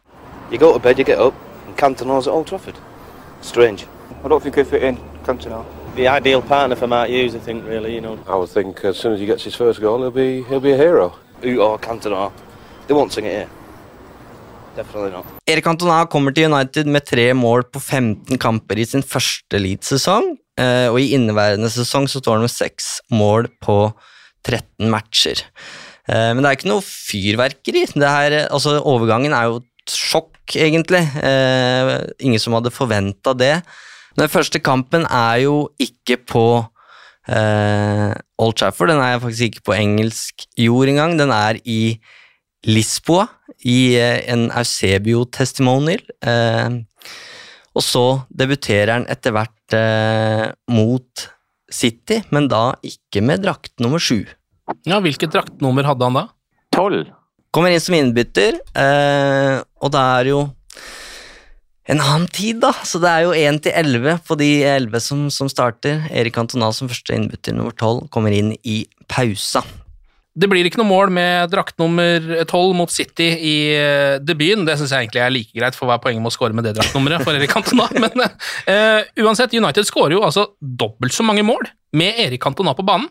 Det er jo ganske utrolig. Han, han skårte noen mål for Leeds, men vi leste jo opp tallene i stad. Det, det er ikke ville tall heller. Men Cantona er ikke bare målskåreren, han skårer ni mål på 22 kamper. Eh, men først og fremst så er han jo en tilrettelegger. Han blir assistkonge i Premier League eh, med 16, og det er da inkludert fire for Leeds, så, 12 for United. 12 målgivende og ni skåringer, da, som, eh, som United spiller. Og han bringer imagination, flair og chemistry som bare United-supportere vet hva innebærer, sier Ferguson. Eh, og på godt norsk ja, genialitet og galskap, kanskje, bare Mm. for å si det veldig enkelt. Han blir i hvert fall symbolet på Uniteds forvandling. Eh, fra et nestenlag til et mesterlag. Eh, og det er jo dette jeg mener Ferguson som Det var ingen som kunne slå Ferguson på. Han hadde mange strenger å spille på, men måten han håndterte garderoben på, der tror jeg ikke det var noen som kunne måle seg med, med han. Eh, psykologen, relasjonsbyggeren, menneskekjenneren Ferguson. Altså Alle kunne jo se her at det, var noe som bodde i Cantona, eh, men altså i Marseille, Montpellier eh, sær så, så endte det jo bare med suspensjoner og krasj. Eh, og det var på et eller annet vis bare Ferguson som, som klarte å gi inn den friheten og tilliten han trengte for å blomstre. Eh, jeg synes det, er vel, det er så vanskelig å sette ord på det. Det blir så veldig eh, pompøst liksom, når man skal snakke om sånne ting. Eh, men det sier kanskje litt hvor vanskelig, det, hvor vanskelig oppgave det er når vi eh, sitter her 30 år seinere ikke helt klarer å forklare hvordan, hvordan han gjorde det.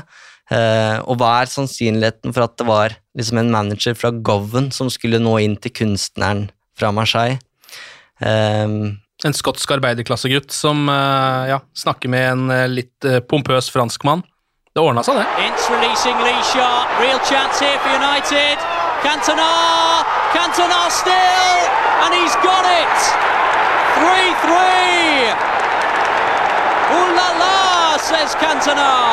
Det, det er en kamp som er veldig sånn hva skal du si, betegnende for, eh, for den auraen som Cantona hadde fått i, i Manchester United på rekordtid. For det at United spiller eh, borte mot Sheffield Wednesday eh, og ligger under 3-0. Og så klarer de faktisk å snu og komme tilbake igjen og berge 3-3. Og det er jo en kamp der Lee Sharp er kanskje på sitt aller beste i United-trøyen. Han har målgivende til alle tre skåringene. Brian McClair skårer 1-3 og 2-3, men det er Cantona som får rotet inn 3-3-skåringen. Og det er den skåringen til Cantona alle United-fansen snakker om i ettertid. Og det, liksom, det sier veldig mye om hvilken standing han hadde blant supporterne, og den auraen og den eh, majestetiske tilstedeværelsen som han hadde i Manchester United, både i garderoben, men ikke minst blant fansen. Det er på en måte to endringer her. Um som Cantona-signeringen eh, innebærer. Og det, Den første er jo taktisk. altså Vi har snakka nå om 4-4-2 i Leeds. og i det Ferguson gjør, som ikke Wilkinson gjør, er at han legger jo på en måte om til 4-4-1-1. Ja, Og legger Cantona litt bak spissen. Cantona ville jo vært en slags tier i dag, tenker ja. jeg. Ikke en, ikke en rein midtspiss. Eh, og Cantona får jo full frihet til å bevege seg der det er rom, litt sånn som vi snakker om Bruno Fernandes uh, i dag, og, og som Cantona sier så ofte i intervjuer, da. Uh, I have to express myself. Um, og han snakker jo om fotball i malerimetaforer, altså prøver å tegne bilder av hvordan fotballskåringer uh, kommer til verden, for å si det på den måten. Og mm. det er nok ikke akkurat den, de metaforene som Pallister, Bruce og Robson ville brukt, liksom. Så det er jo en det er jo en uh, Han kommer inn ikke bare som en, uh, som en tier som har alle de her eh, tekniske kvalitetene, men han kommer også inn som en, som en kunstner som på et eller annet vis blomstrer da i industribyen Manchester. Så den ene er taktisk. Ferguson får han til å fungere i, i systemet sitt. Det andre handler om det som skjer på, på treningsfeltet. Det blir en ny treningskultur med, med Erik Cantona, som eh, ber Ferguson om å få noen baller og, og juniorgutter til å stå igjen etter trening og skyte. Det, det, det, var jo ikke det var ikke det som var normen, eh, verken i Manchester United eller, eller, andre engelske klubber på den tida. Da var det vel eh, rett i puben, liksom, og ta noen pints. eh, mens, mens Erik Cantona skulle stå igjen. Og Det det snakkes litt om, er at vi skal ikke glemme Class of 92 som er i kulissene her. Um, og, og, den derre lad-kulturen som vi snakka mye om i den spesialepisoden, den, den tror jeg kanskje Cantona tar litt brodden av ved å komme inn som uh, Han krever jo bare å få være den største stjerna uh, på, på laget. Altså Ferguson spør, spør han vel når han viser uh, Cantona rundt på Old Trafford. Ehm, så står Cantona i midtsirkelen og bare tar inn Holt Trafford. Ehm, så spør, spør Ferguson eh, Do you think you're big enough for Manchester United? Og så sier Erik Cantona The question is Is Manchester big enough for me? Mm. og han kommer inn med den, men han er også villig til å stå igjen på treningsfeltet og terpe avslutninger eller straffer eller langpasninger. Og det sender jo et signal til de andre gutta her i den garderoben, og da ikke minst Class of 92, der den lad-kulturen har på en måte det er, det er, nok vanligere å gjøre narr av Gary Neville som blir igjen for å løpe fire minutter på, på treningsfeltet når de andre stikker hjem, mens det her tror jeg åpner opp for en ny treningskultur. Og det, det er jo spillere som har sagt og at den endringa skjedde i det, på den første treningsøkta som Erik Cantona var på. Eh, da kunne de merke at ok, nå er vi i et annet gir.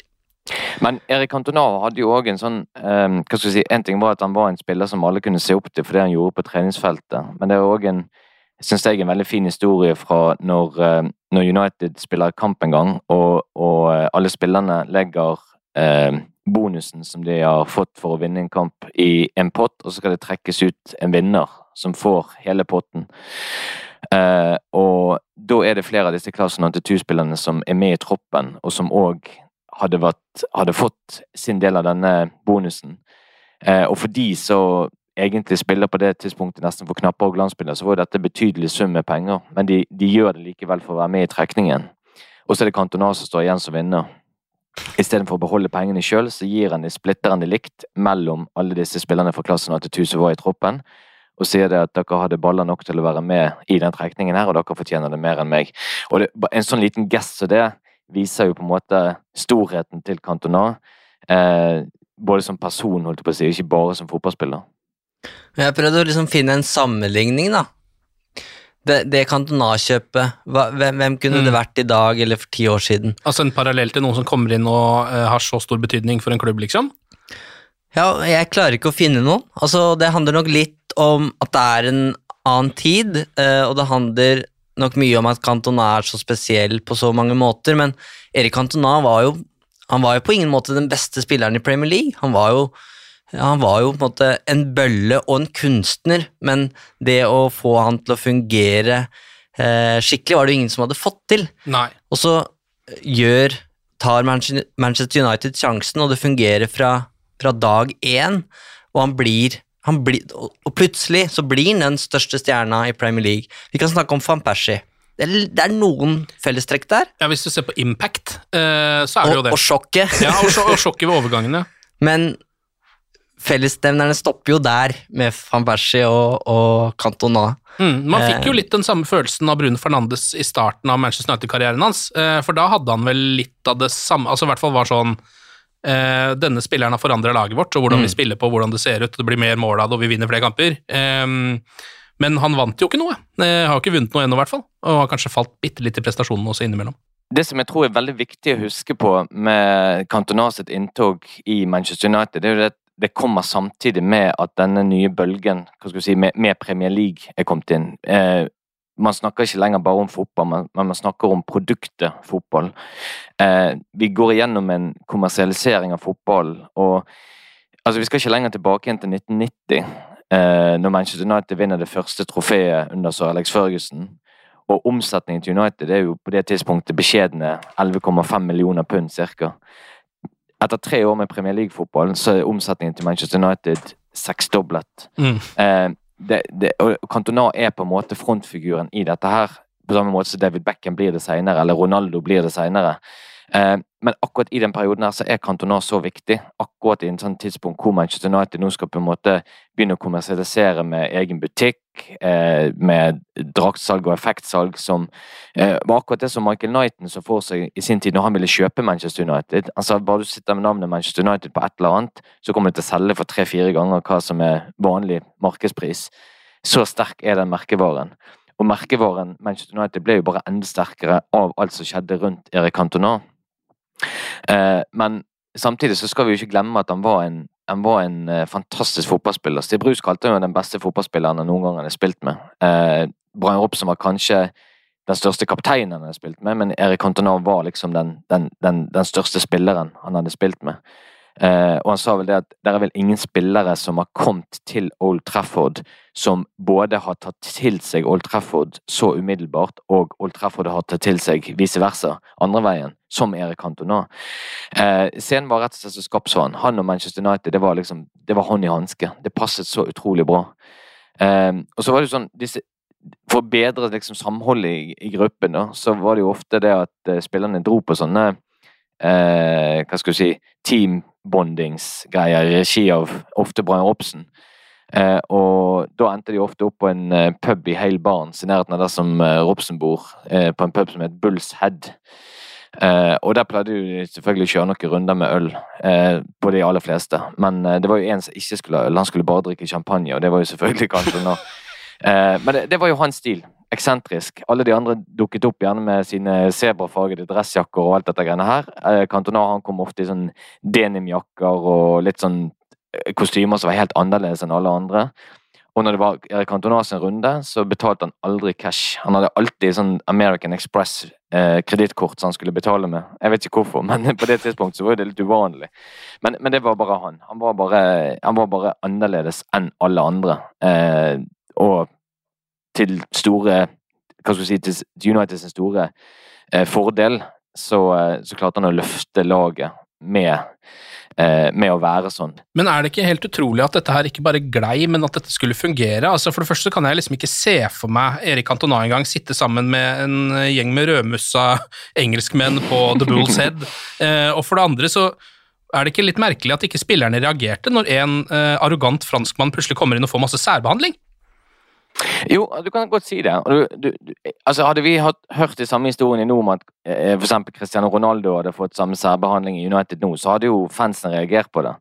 Eh, hvis, er det sånn Kavani reiser hjem til Uruguay og får, får lengre ferier og alt det greiene der, og altså, fansen reagerer på det. det, det liksom, alle må behandles på samme måte. Eh, og jeg tror i utgangspunktet så var Førgesen veldig sånn hva skal man si, sosialdemokratisk i, i tankesettet sitt og i hodet med at det skulle være liksom en sånn Du måtte gjøre deg fortjent til å bli behandlet annerledes. Altså Unge spillere i United fikk ikke lov til å ha fargede fotballsko.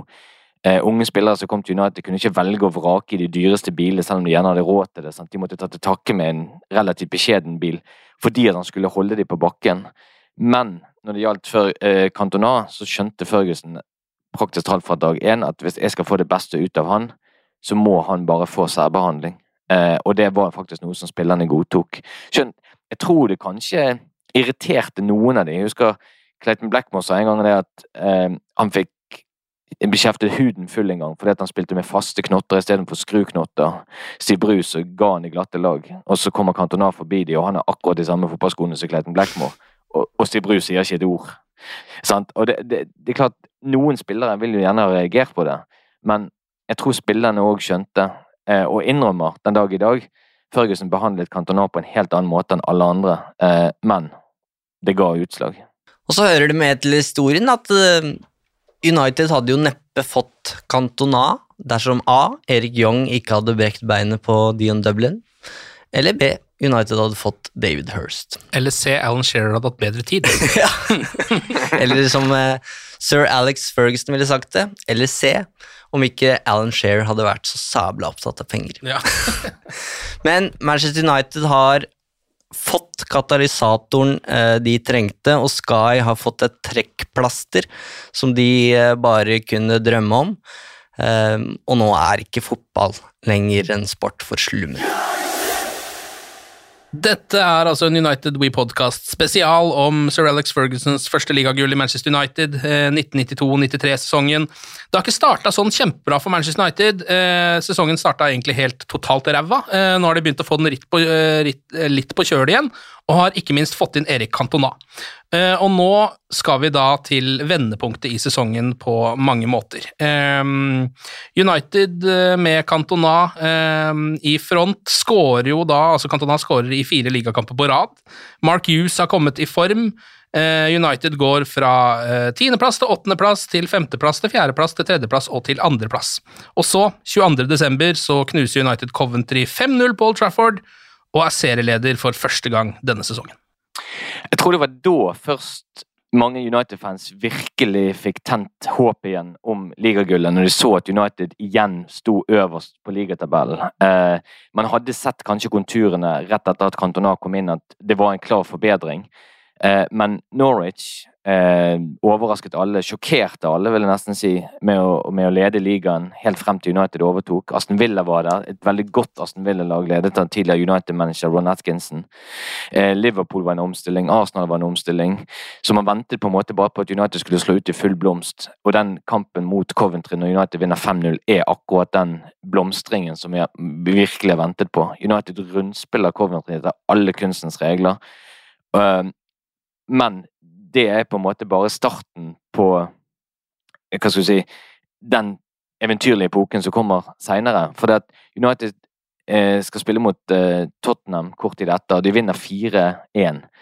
Eh, Cantona header inn 1-0 forbi Erik Thorstvedt. Eh, men det, er jo kanskje den pasningen til Dennis Irvin på 2-0-målet når han vipper ballen med utsiden av foten over backrekken til, eh, til, Tottenham, og Ørvin går gjennom og skårer. Ørvin har jo senere sagt at han tørde rett og slett ikke å bomme, fordi den pasningen var så utsøkt. Det var liksom Cantona omtalte det som et av sine vakreste øyeblikk i United-karrieren, rett og slett fordi at den, den pasningen, det var i Cantonas øyne den perfekte gave. Han kunne ikke gi Dennis Ørvin en bedre gave enn den pasningen.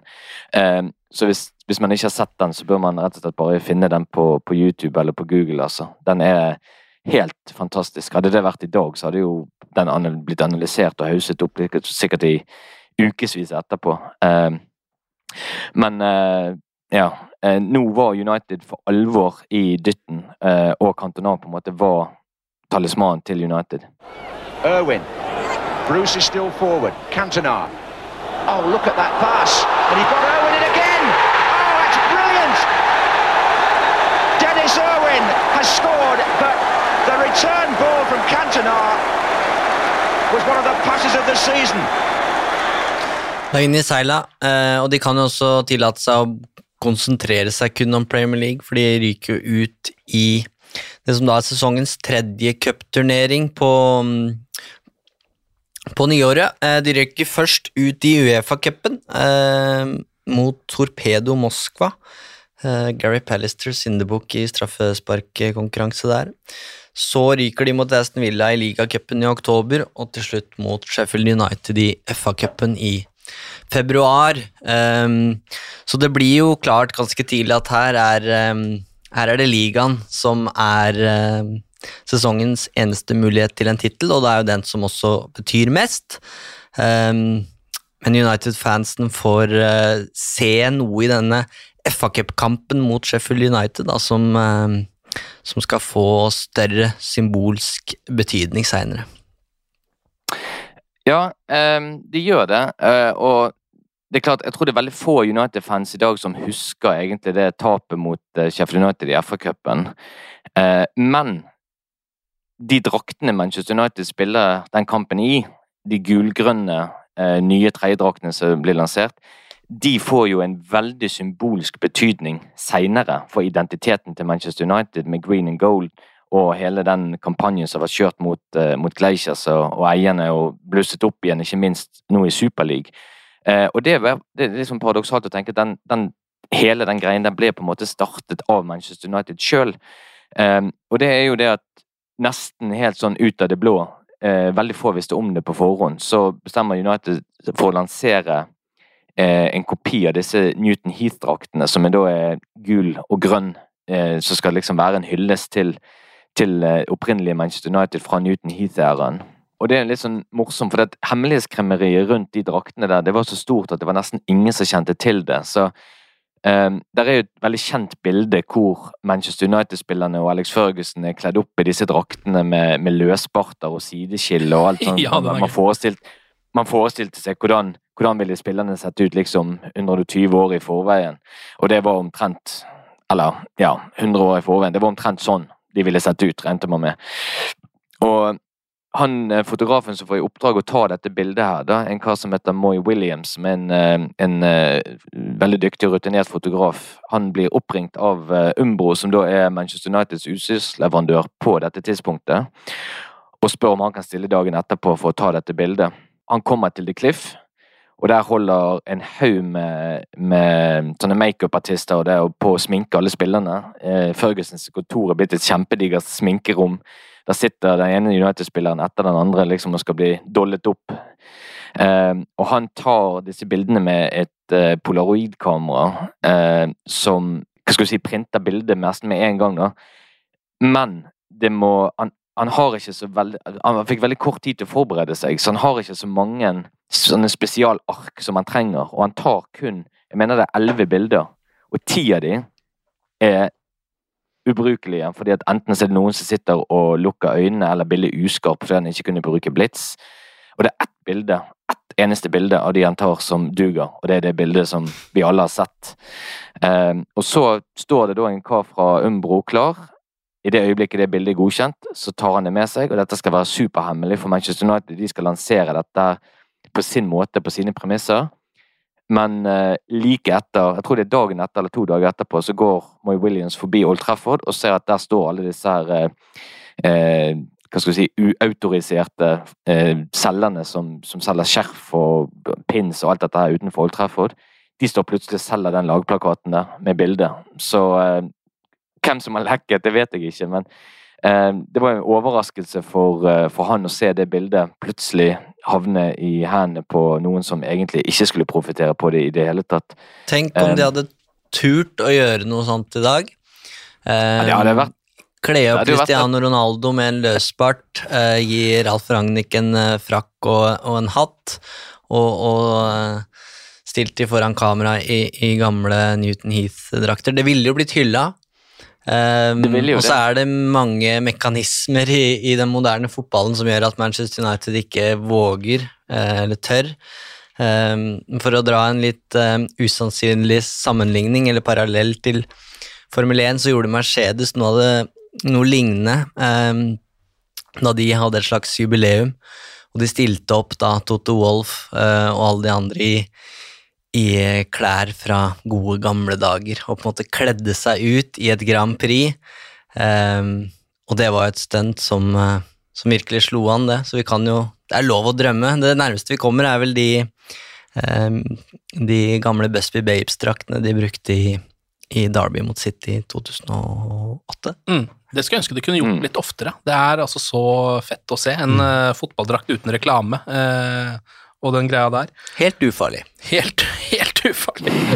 Eh, Men United kniver altså eh, med Norwich, overraskelseslaget som de har solgt eh, spissen Mark Robins til, og med Aston Villa i teten i Premier League. Lagene bytter på å lede serien. Og vi husker jo at vi nevnte at i sluttfasen sesongen før, så var det jo på Anfield at United måtte gi opp og vinne ligaen. Da ble det tap. Men nå, et år seinere, så får de hevn. De gjør så. De vinner eh, 2-1 mot Liverpool på Anfield. eh, I gule og grønne da- drakter, eller er det noen andre?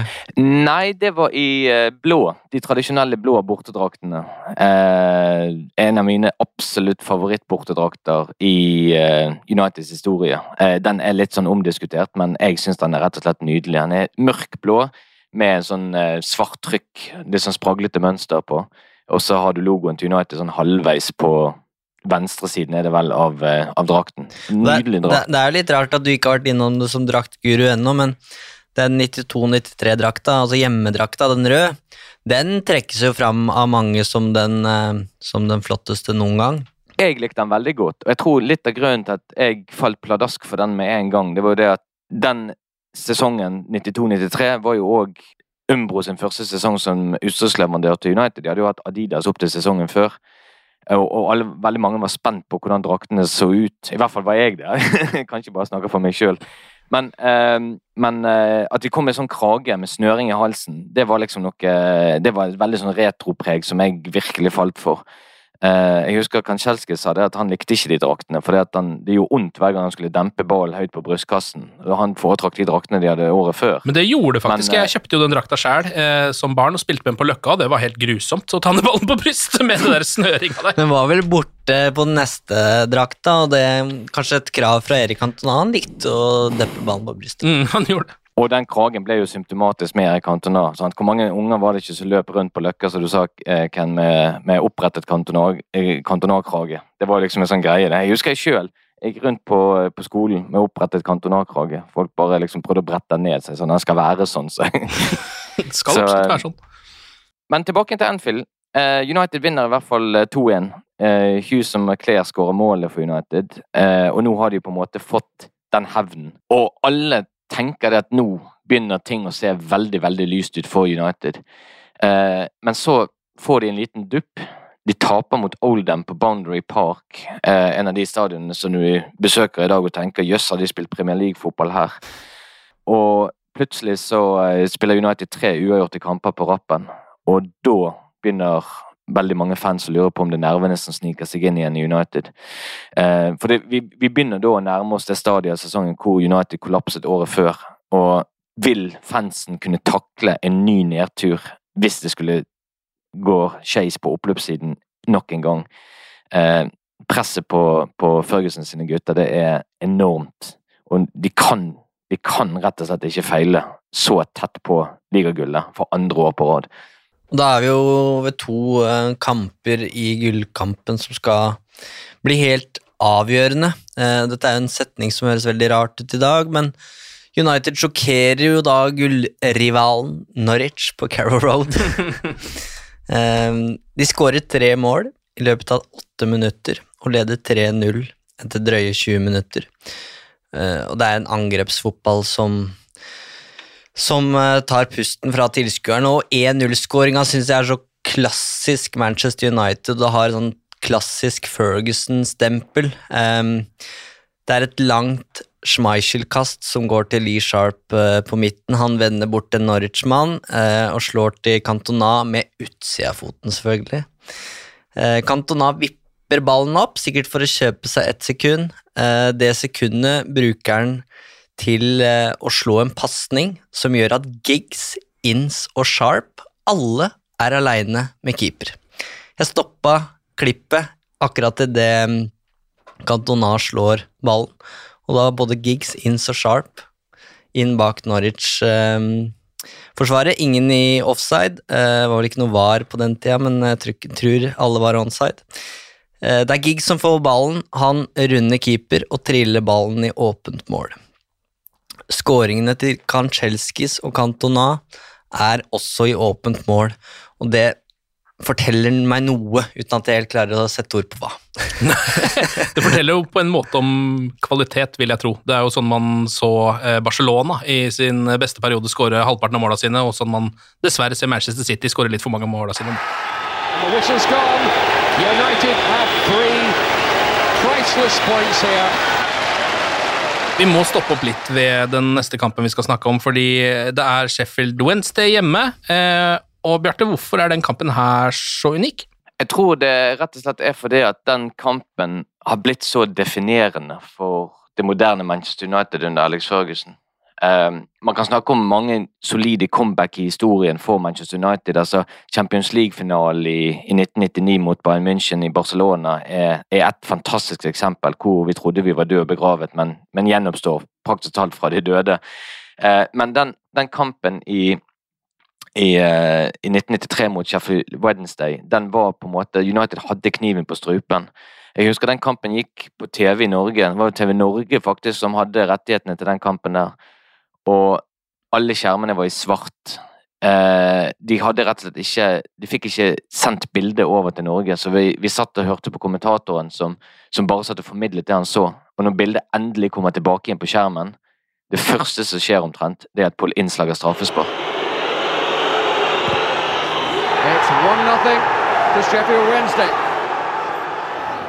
Og da sitter du og tenker liksom bare å nei å nei å nei, skal det, skal det, skal det feile nå igjen?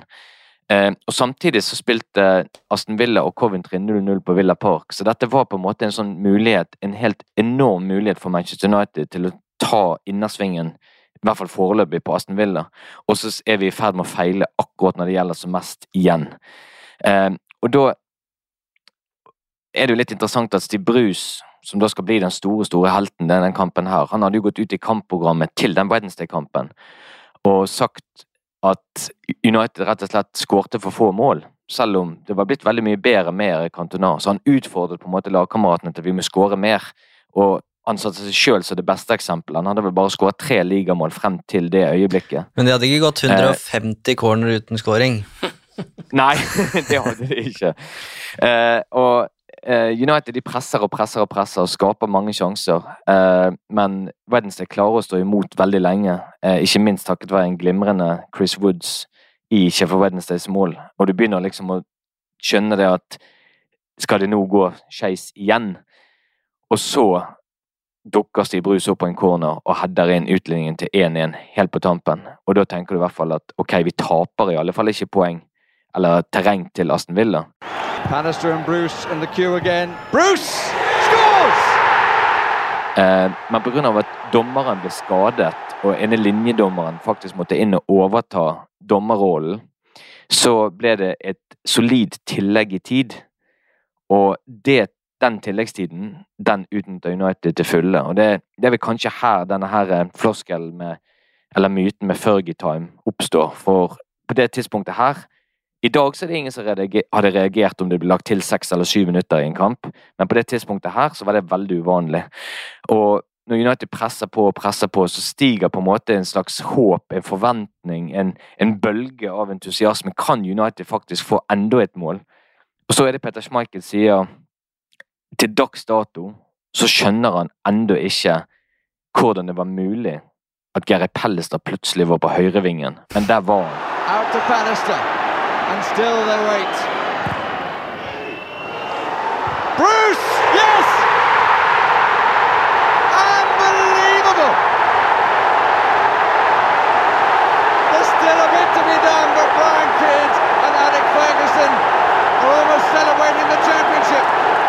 Jeg tror alle som har sett de jubelscenene der, de kommer aldri til å glemme dem. Det tror jeg ikke Ferguson gjorde heller. selv om han prøv, du ser jo at han prøver å Det er en eksplosjon som det blir eh, når det er så mye som står på spill, og det kommer en overtidsskåring. Eh, men Ferguson han hopper liksom opp i været som en unge med begge armene i været. Eh, og så kommer han på Å! Jeg er jo Manchester United-manager, det her kan ikke jeg gjøre. Så han tar seg i det, behersker seg, og så går han og setter seg eh, på benken igjen.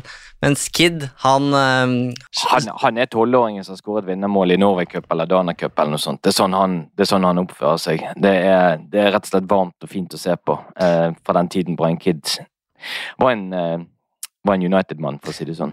Men se, Eh, selv, om, selv om Ferguson mister beherskelsen i ett sekund der, så er det ett sekund for historien. Jeg, jeg tror ikke han har på en måte mista kontrollen på samme måte verken før eller siden. Kanskje eh, O'Shay-skåringa på Anfield. Eh, da Ja. så ser du at han, eh, han har ikke kontroll på sitt eget følelsesregister. Men han drar jo hjem, da, bare for å si det, og, og setter seg jo ned og ser eh, eh, fått følelsen, følelsen, under kontroll, så, så drar han hjem eh, og setter seg ned for å se kampen en gang til med stoppklokke og konkluderer med at her skulle det vært tolv minutter tilleggstid. Ja. Eh, den øvelsen vil jeg ikke anbefale noen å gjøre, for det blir bare frustrert, tror jeg, hvis man skal begynne å gjøre det på hver fotballkamp som, eh, som eh, spilles. Men altså, det her er jo da seks minutter på overtid. Det er et innlegg fra Gary Pallister i en rygg, og så er det på hodet til Steve Bruce, eh, og så vinner plutselig Manchester United. Og det er jo kanskje bare liksom sånn, det er en blanding av tilfeldigheter og veldig mye annet her. Det har vært eh, eh, dommere som har vært skada, og det er liksom en veldig rar fotballkamp, da. Men eh, for Manchester United så har jo dette blitt på en måte hva skal man si, blåst opp som mye, noe mye større enn det, som et øyeblikk som egentlig endra det moderne Manchester United, eh, Bjarte? Ja, altså, jeg tror Teddy Schøringen beskrev det veldig fint en gang. Altså, Manchester United taper ikke fotballkamper. De, de, eh, de, eh, de går til slutt av og til bare tom for tid. Eh, altså, Underforstått med at hvis du bare gir United nok tid, så vil de, så vil de vinne kamper. De vil skåre på slutten. Eh, men men den, den eh, følelsen med at eh, eh, United spiller og spiller og spiller, og har skåret så mange seine mål, eh, den, den følelsen begynner på en måte veldig mye med den skåringen til Bruce mot Sheffield Wednesday. Eh, Martin Tyler, denne legendariske Sky Sports-kommentatoren, sa en gang at eh, dette er på en måte sånn sliding indoors moment i, i historien til Manchester United. For at dette ble på en måte starten på en ny mentalitet for Manchester United. At de kunne stå hele distansen. At de hadde den mentale styrken som skulle til etter å ha feilet såpass mange ganger tidligere. Eh, og jeg tror han har et veldig godt poeng, rett og slett. Det er kun tre kamper igjen av Premier League-sesongen 1992-1993. Ehm, Manchester United får en hjelpende hånd. Ja, Aston Villa taper 3-0 borte for Blackburn, og United har da muligheten til å skaffe seg en luke på fire poeng eh, om de slår Crystal Palace. Hughes og Inns skårer måla, United vinner 2-0. Eh, du kan jo se i, i tunnelen etter matchen hva det betyr for spillerne. Du, ja, dette kjenner vi jo til. Når det, når du lukter gull, så ser du det på, på spillerne. Um, og samtidig så får de beskjed fra Ewood Park. Um, Brian Kidd og Steve Bruce de klemmer hverandre. Alex Ferguson gir reservekeeper Les Ely et kyss på kinnet. Her er det ting som har skjedd. Fire poeng ledelse med to kamper igjen. Det bør kunne gå. Akkurat den kampen der satt jeg og hørte på, eh, på radio den gangen vi eh, ikke fikk eh, TV-bildene live på samme måte som i dag. Eh, og det var den kampen som gjorde utslaget for meg, så jeg trodde at nå kan det faktisk ikke gå galt. Og jeg husker jeg satt hos en kompis, de satt og så på en eh, TV-serie på TV2, mener jeg det var. Eh, jeg lurer på om han het Tropical Heat, om det kan ha vært den. jeg husker at det var en serie. Ja, eh, og vi satt der og lurte på om vi skulle åpne en spritflaske som tilhørte faren til han som vi satt hos, men det var ingen som tørde. Og når jeg fikk sluttresultatet fra Sellers Park, så går jeg inn, skrur av korken og skjenker den første drinken jeg noen gang har drukket. Så eh, seieren på Sellers Park det introduserte unge Bjarte for alkohol, for å si det sånn. Eh, det, var en, eh, det var en følelse av Var at det, jeg tenkte var det én drink, eller var det et uvisst antall spritflasker som kom på bordet etter hvert? Nei, det, det ble bare én eller to, herregud. Eh, jeg eh, jeg, jeg syns det smakte forferdelig den gangen, der, men det, men det var bare noe med den følelsen. Det var bare noe med at alt, alt bare på en måte fikk fritt utløp. Um, og tenk på de da som har ventet i 26 år på det. Jeg hadde jo tross alt ikke ventet så lenge. Det er en, eh, det er en videoserie som Manchester United uh, publiserte den gangen der, som hadde vært utrolig gøy å se hvis de hadde gjort noe lignende i dag. Men det var, det var en, uh, en uh, TV-serie som het, eller en sånn videoserie som de går ut på VHS-kassett, som het Captain's Log. Hvor de hadde utstyrt Stig Brus med et videokamera, så han skulle liksom filme forskjellige ting og tang. da. Eh, og jeg husker de skal spille mot Chelsea eh, litt i forveien. Og da er Stig Brus hjemme hos seg sjøl og filmer. Eh, og det er liksom kampdagen, da. Eh, det er travelt hjemme hos de. Datteren hans Amy hun skal i bursdagsbesøk, og de holder på til å dåle hånden opp. Stig Brus prøver å barbere seg i full fart før han skal hente Peter Schmeichel og Paul Ince før de skal kjøre til Old Trafford. Og det, det gir et sånn unikt innblikk. I dag så skal jo spillerne inn på hotell dagen før kamp, og det skal liksom ikke forstyrres. og det er noen ting. Dette var liksom helt andre tider. Eh, de kommer seg til Old Trafford. Eh, de, de vedder, sånn som de pleier å gjøre, på hva blir resultatet i dagens kamp. Spillerne legger noen pund i potten. Vinneren får vel noe sånn som 70 pund. Det er jo et slikk og ingenting, egentlig, i hvert fall i dagens målestokk. Eh, Ferguson holder en peptalk eh, og forklarer hvordan de skal slå Chelsea. United gjør jobben, vinner 3-0. Veldig greit. Seieren burde sannsynligvis vært mye større. Og så er det en ting som er sabla interessant, og som sier veldig mye om Alex Fergusons mentalitet. Det er at etter kampen så står alle spillerne inne i garderoben. Noen prater litt med hverandre, noen får massasje. Ferguson og to-tre andre spillere står og ser på en bitte liten TV som står eller henger oppunder taket på, på garderoben på Old Trafford. Og der ser en at, eh, eh, at eh, Oldham har tapt. De har tapt 4-1 for eh, Tottenham. Og alle de andre registrerer bare resultatet, men tenker ikke noe særlig mer på det. Men Alex Ferguson vet med en gang hva det resultatet innebærer, og han sier det. Nå må Oldham slå Aston Villa for å kunne overleve i Premier League. De må det. Eh, og det er sånn detalj som jeg tror ingen andre hadde fått med seg, men Ferguson har nok sett alle mulige utfall eh, i alle mulige kamper på slutten av sesongen og regnet ut hva vil et bestemt resultat i den kampen har å si for resten der. Og han er veldig tydelig med en gang på hva det har å si, at nå har Oldham absolutt alt å spille for før de drar til Villa Park for å møte Aston Villa. Ja, det hadde han jo helt uh, rett i. Um, Oldham de måtte slå Aston Villa de for å overleve, og så er det akkurat det som skjer også. Tilbake igjen i uh, den reportasjen som eh, meg og Lars Morten gjorde, så gjorde jeg et ganske helhjertet forsøk på å spore opp Nick Henry, som spilte for Oldham. Eh, Og det var jo egentlig han som avgjør det første ligagullet til Manchester United under Alex Ferguson. Eh, og jeg fikk tak i han. Eh, jeg ante jo egentlig ingenting om han på forhånd, men vi hadde en veldig lang og god prat. Og han, det paradoksale her det er jo det at han er faktisk fra Liverpool, og han er vokst opp som stor Liverpool-fan.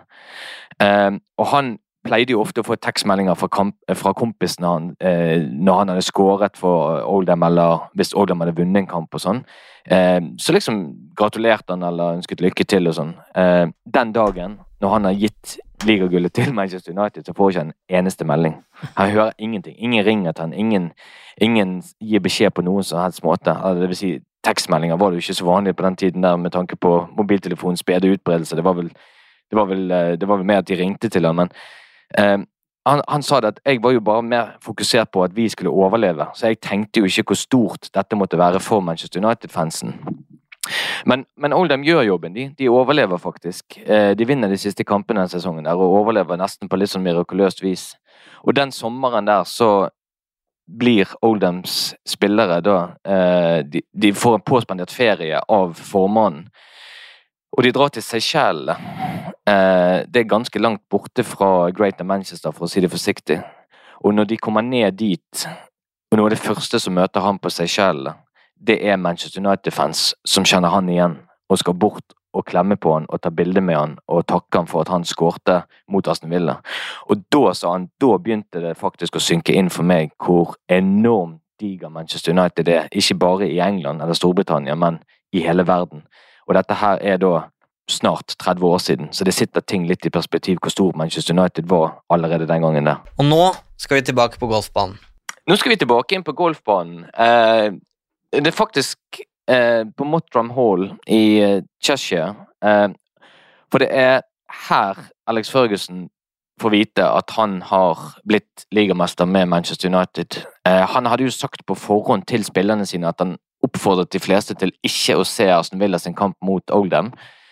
Rett og slett fordi at eh, de burde koble av og tenke på helt andre ting. Men den eneste som faktisk følger Ferguson sin oppfordring, det er Ferguson sjøl. Alle spillerne sitter jo hjemme og ser på dette og får med seg hva som skjer i den kampen. Men Ferguson han har bestemt seg for å spille golf. Eh, og idet dommeren blåser av den kampen på Villa Park, så aner Ferguson ingenting om at han har vunnet ligaen. Men det er en kar som heter Michael Levender, som jobber på golfbanen. Og han skjønner det. Og han er United-fan, og han visste at Alex Ferguson hadde kommet inn for å spille golf den dagen. Så han tenker liksom det at ok, noen må fortelle Alex Ferguson at Manchester United har blitt ligamester. Så han sjekker liksom tidspunktet på når var det Ferguson gikk ut, og hvor langt har han kommet nå. Hm, jeg tror jeg kommer til å treffe ham på enten hull nummer 17 eller hull nummer 18. Og så sitter han seg i sin liten caddy-bil, og så kjører han til hull nummer 17. Og ganske riktig, der står Alex Førgussen klar til å putte. Eh, og han bare går opp til Alex Førgussen da, og sier eh, gratulerer, du er ligamester. Og Førgussen han eh, ser på han først og blir nesten litt sånn irritert og sier liksom ja, men hvordan vet du det? er det første Førgussen sier.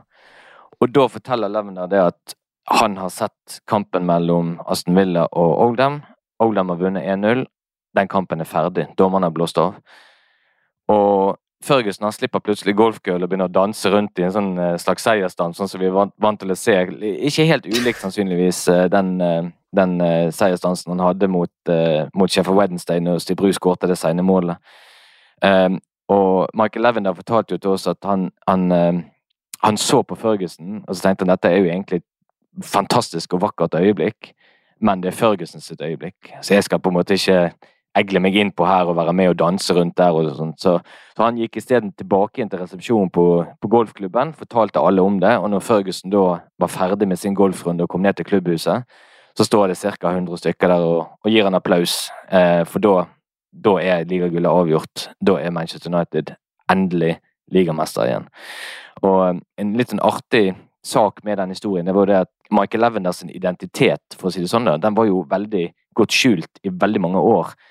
Så skriver Ferguson en biografi, og der refererer han bare til Lavender som 'the handsome young man'. og eh, da skriver Lavender et brev til Alex Ferguson, rett og slett for å fortelle at det var han som var den personen. Og det går ikke mange dagene før han får svar tilbake igjen fra Alex Ferguson med en personlig hilsen og takk, hvor han skriver 'du er åpenbart den fremmede som gjorde dagen min helt perfekt'. Som du var inne på, Bjarte, så er jo Ferguson den eneste som følger sitt eget råd om å ikke se Aston Villa mot Oldham. Um, hjemme hos Steve Bruce så sover kona Janet seg gjennom den første timen av kampen på Villa Park, men får med seg innspurten. Um, og de andre uh, spillerne de ser jo også på, alle som en. Ja, det var ikke bare festklare lagkamerater som kom til Steve Bruce sitt hus eh, den kvelden 2. mai. Eh, Sky Sports får nyss om eh, festen, og det er ikke lenge før de hadde rigga opp en svær parabol eh, og er utenfor huset. Og det fins noe igjen, noen klipp på YouTube som kanskje er verdt å gå inn og se da, det, fra, fra, festen. Virker ganske gemyttlig da. Jeg veit ikke om det er Steve Bruce som har filma for Captain's Log, eller om det er Sky Sports. Eh, det får så være, men eh, det er mulig å se litt, i hvert fall. Uansett hvor gemyttlig det var, så varte og rakk denne festen litt. Den eh, fortsetter jo neste dag, og ikke akkurat denne festen kanskje, men Manchester United sin fest. da. Utenfor Old Trafford så er det to, tusenvis av United-fans som er tidlig ute, klart å feste og feire og juble med spillerne og manageren sin for det første ligagullet på 26 år. There's not too many parties that take 26 years to organise. So tonight's championship party here at Old Trafford is a little bit unusual to say the least. De som, de som var på Old Trafford denne dagen, her, de kommer jo aldri til å glemme det øyeblikket. der. Aldri. Eh, og det vi så Eivind var inne på tidligere òg, eh, Fergusons peptalk i garderoben der er, er, jo rett og slett bare helt vidunderlig å sitte og se på med halvt eh, bakfulle spillere som sitter der og, og gjør seg klar liksom, til kampen. Men jeg tror, jeg tror eh, si bakrusen for det som måtte vært eh, festen dagen i forveien, den eh, den blir fort reparert når de kommer ut igjen til litt feststemt Old Trafford. Eh, det er rett og slett en, eh, en vidunderlig fest fra, fra, begynnelse til slutt, selv om Blackburn gjorde sitt for å torpedere litt i starten. United snur kampen, vinner 3-1. De er, de er rett og slett best i alt. Og, og dette her er da på en måte er, Ventetiden er over for Manchester United. Ventetiden er over for fansen, men dette er på mange måter Alex Ferguson sitt store, store øyeblikk. Han har vært i United nå helt siden 1986. Han har snudd opp ned på klubben, eh, på akademi, på talentspeiding, eh, bygge ikke bare laget, men hele klubben. Han har gjort Manchester United fra å være en middelmådighet som var nesten god nok et par ganger, til å bli det beste laget. Han er kommet seg opp på den fjelltoppen som han alltid snakket om at han ville. Og det neste store målet fra nå, selvfølgelig, det er jo å overta hegemoniet og tronen i engelsk fotball fra Liverpool. Han vet at noen av de andre klubbene nå, sånn som Liverpool og Arsenal f.eks., er gjennom generasjonsskifter. Fremtiden til United den ser ekstremt lys ut. Og som Eivind òg var inne på, der er ett, ett bilde av eh, en kar som sitter på tribunen med et kjempestort smil, nemlig Matt Busby. Eh, og det gjør noe, tror jeg, med alle United-hjerter å se de bildene. At Busby fikk oppleve det eh, før han gikk bort i, i vinteren 94. Eh, det, det, må ha vært rett og slett en, en, en følelse for eh, Matt Busby at Manchester United har gjennomstått. De er best igjen i England. Eh, det, det, er omtrent så vakkert som det kan få blitt. Alex Ferguson appointed manager of Manchester United in November 1986. Brought here to bring the title to the club. He's not only brought the title, he brought the FA Cup, the Cup Winners' Cup, and the League Cup with it. And what about 84-year-old Sir Matt Busby, the last Manchester United manager to lead the team to the title? I wonder if he ever thought he'd see Manchester United crowned champions in his lifetime. Manchester United er ligamester, og for et feststemt Old Trafford så er det egentlig bare ett spørsmål som gjenstår. Hvem skal løfte trofeet? Eh, og det er jo Robson og Bruce da, som ender opp med å gjøre det sammen. Var det planlagt? Uh, ja, når, når uh, det ble klart at uh, United kom til å vinne, så tok Robson og Bruce en liten prat om dette, hvordan de skulle gjøre det. For det organiseringen den gangen der, litt sånn snodig egentlig, men det var at United hadde én klubbkaptein, og det var Brian Robson. Og så hadde de én lagkaptein, og det var Steve Bruce. Eh, hva de to rollene var, det vet jeg ikke helt egentlig, men det var nok Steve Bruce fordi at han var spilte hele tiden, mens Brian Robsen på en måte var mer en innbytter. At man måtte ha en kaptein som også var til stede på, på banen. Mens Brian Robsens påvirkning og innflytelse i United-garderoben var veldig sterk, selv om han ikke spilte så mange kamper den sesongen. Eh, men eh, det, er et forslag da fra, eh, fra, fra Robson om at de skal løfte trofeet sammen. Og det er jo på en måte veldig symbolsk og flott, for det er jo på en måte Brian Robson som på en måte tilhørte fortiden, og Steve Bruce som på sett og vis var, i hvert fall i begynnelsen Nåtiden. Ny fremtid. Ja. Han holder jo ikke så veldig mange flere år, sant? fire år til, men, men det var noe med, med, med, nostalgi som smelte sammen både fortid og nåtid og, og mulig fremtid der. Det... Sånn at de løfter det sammen, og det syns jeg egentlig var veldig fint. Og det gjør de faktisk året etterpå òg, når, de, når Brian Robson spiller sin siste kamp for Manchester United. Og det er jo, det, det- er jo veldig riktig. Eh, fordi det Brian Robson gjør for Manchester United i en, i en eh, Ja, det han har gjort for Manchester United, det, det blir på en måte litt undervurdert når man ikke vinner titler. Ja. Men han dro jo Vi kan godt snakke om Erik Antona, hva han gjør for, for Manchester United fra november til mai her, men det Brian Robson eh, gjør for Manchester United i, i flere år i forkant, er så viktig, da. Eh, så rent symbolsk så er det så, så riktig at det er han som, som er med og markerer den ligatittelen. og det er en flott historie fra Ryan Giggs om at han eh, sliter litt med en, eh, med en høyreback i, i Sheffield United som sier, sier til Giggs at eh, hvis du prøver å drible meg en gang til nå, så brekker jeg beinet ditt. Og så eh, jogger Giggs bort til Robson og så du, han er slitt, han høyrebekken der sier han skal brekke beinet mitt. Robson sier nå spiller du sentralt på midten her, og så skal jeg spille litt på, på venstrekanten. Så går det ti minutter, og så kommer Robson tilbake til Giggs. Sånn, problem solved, nå kan du gå tilbake. og det er jo litt den rollen Robson har her, tenker jeg. Han er på en måte om ikke, om han ikke om Ferguson er faren i huset her, da, men Robson er på en måte storebroren som passer på de andre, og det er han som, eh, som tar Han er definitivt med på festen, men det er han som tar fram skurefylla dagen etterpå og sørger for at det blir rydda opp. Um, så Brian Robson fortjener uh, all honnør uh, den sesongen her, selv om han da faktisk bare starter fem ligakamper. Ja, det er, det er rett og slett eh, noe av det vakreste med det ligagullet i 92-93, er jo akkurat at Brian Robson faktisk får oppleve å, å vinne ligaen. Eh, er det en som virkelig fortjente det, så var det han. Eh, så jeg er helt enig med deg, Eivind. Eh, hvis, jeg synes det var en fin metafor. Hvis, hvis Førgesen var faren i huset, så var Robson definitivt storebroren. Eh, storebroren som var på vei til å flytte ut, kan du nesten si, men som skulle ha en sånn siste eh, Hva skal du si fest eller en siste ting han skulle organisere for gjengen. Eh, og, og det ble å vinne ligaen. Can you just explain for us the depth of emotion that's involved here tonight? Well, I think the fans have shown that. Um, they've waited a hell of a long time for it, um, and thankfully it's come this season. Um, you know, they've been ribbed by other supporters and that about the 26 years because of the club being so wealthy and that not winning it. Um, so it's been great for the fans and also great for the younger players because the 26-year tag goes out, away from the round the neck now, and they can get on and hopefully win championships to come. Uh, Ferguson har vunnet FA-cupen, han har vunnet ligacupen, han har vunnet cupvinnercupen, og nå har han da endelig også klart å bringe ligapokalen tilbake til Old Trafford for første gang siden 1967.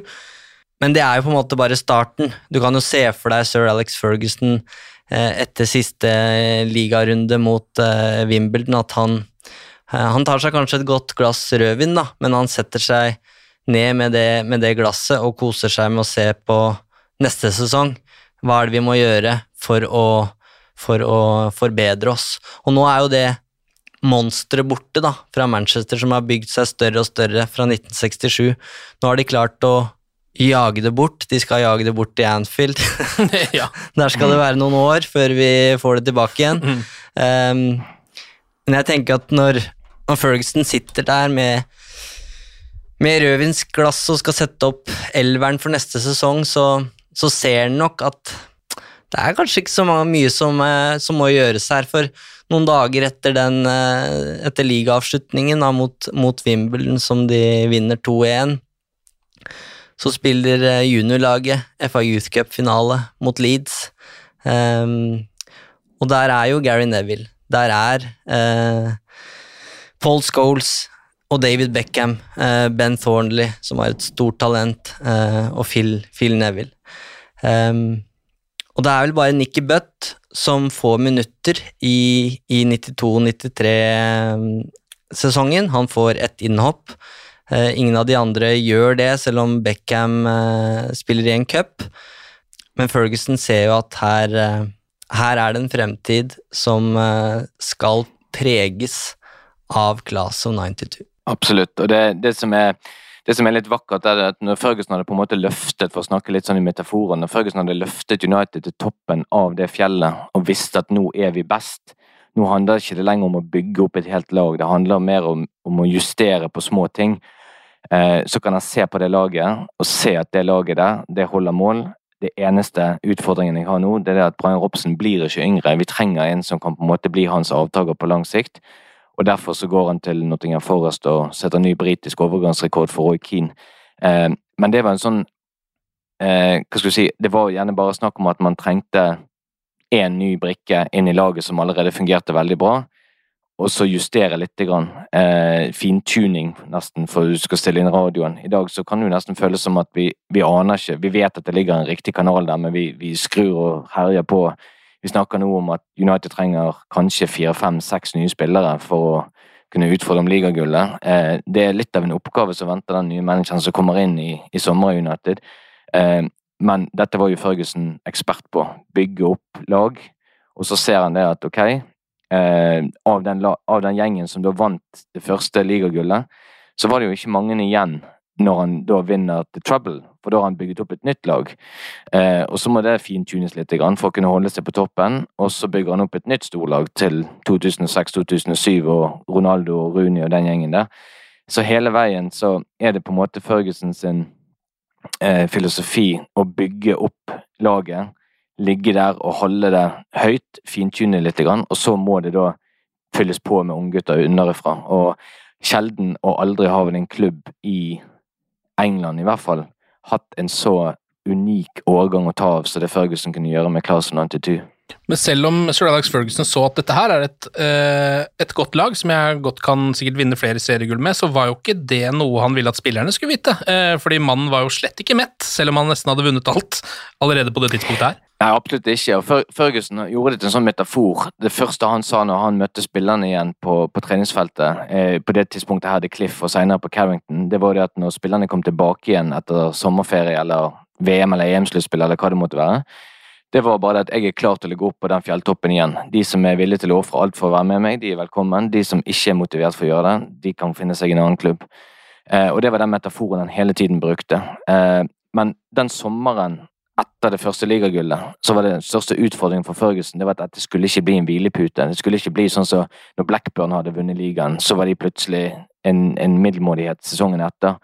Eller når Leicester vant ligagullet altså det, det, er klart det, det er klubber med en annen størrelse vi snakker om, men det handler ikke bare om å bygge opp for å bli best den ene sesongen, det handler om å bygge opp for å bli der.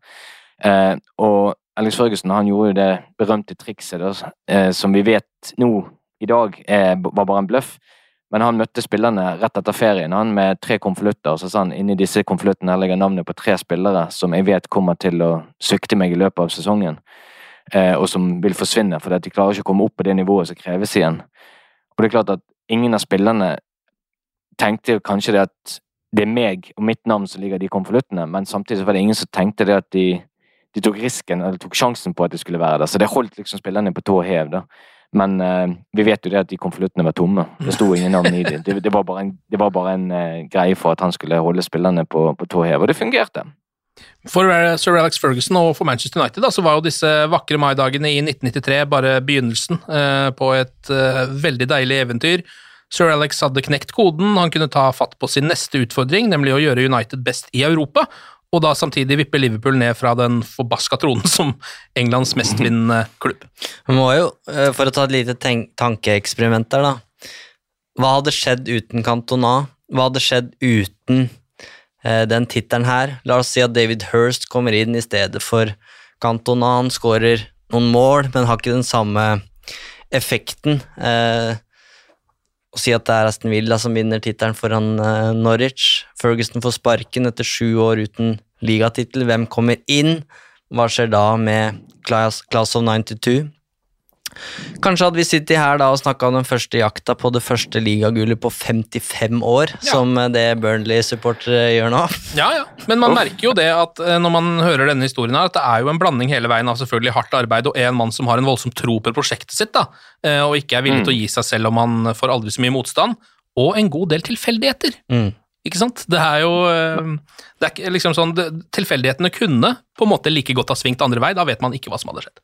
Og så har vi snakka mye om Cantona i dag, men uh, det er jo en venstrekant her som vi kanskje burde snakka enda mer om.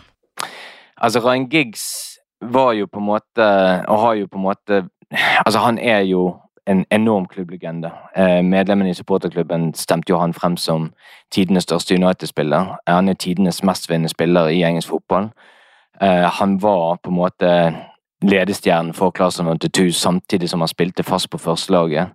Han var et United-produkt. Han hadde gått hele gradene. Han var med på det aller første ligagullet til Sir Alex Ferguson. Han var med på hele reisen, og han var med på det siste ligagullet.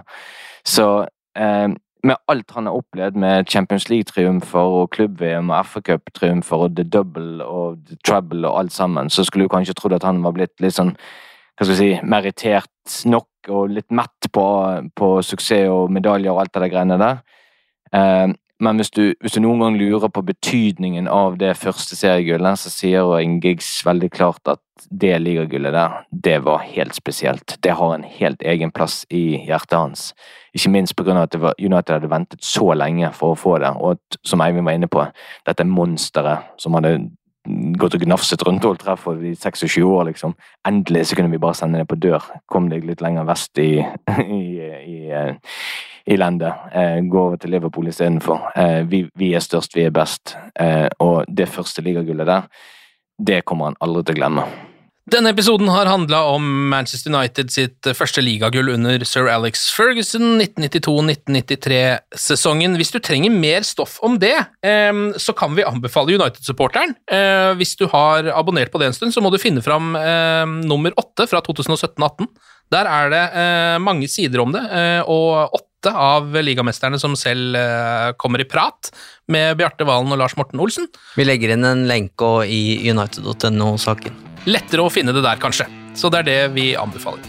Eh, Bjarte Valen og Eivind Brennodd-Holt, tusen takk for praten, og glory, glory.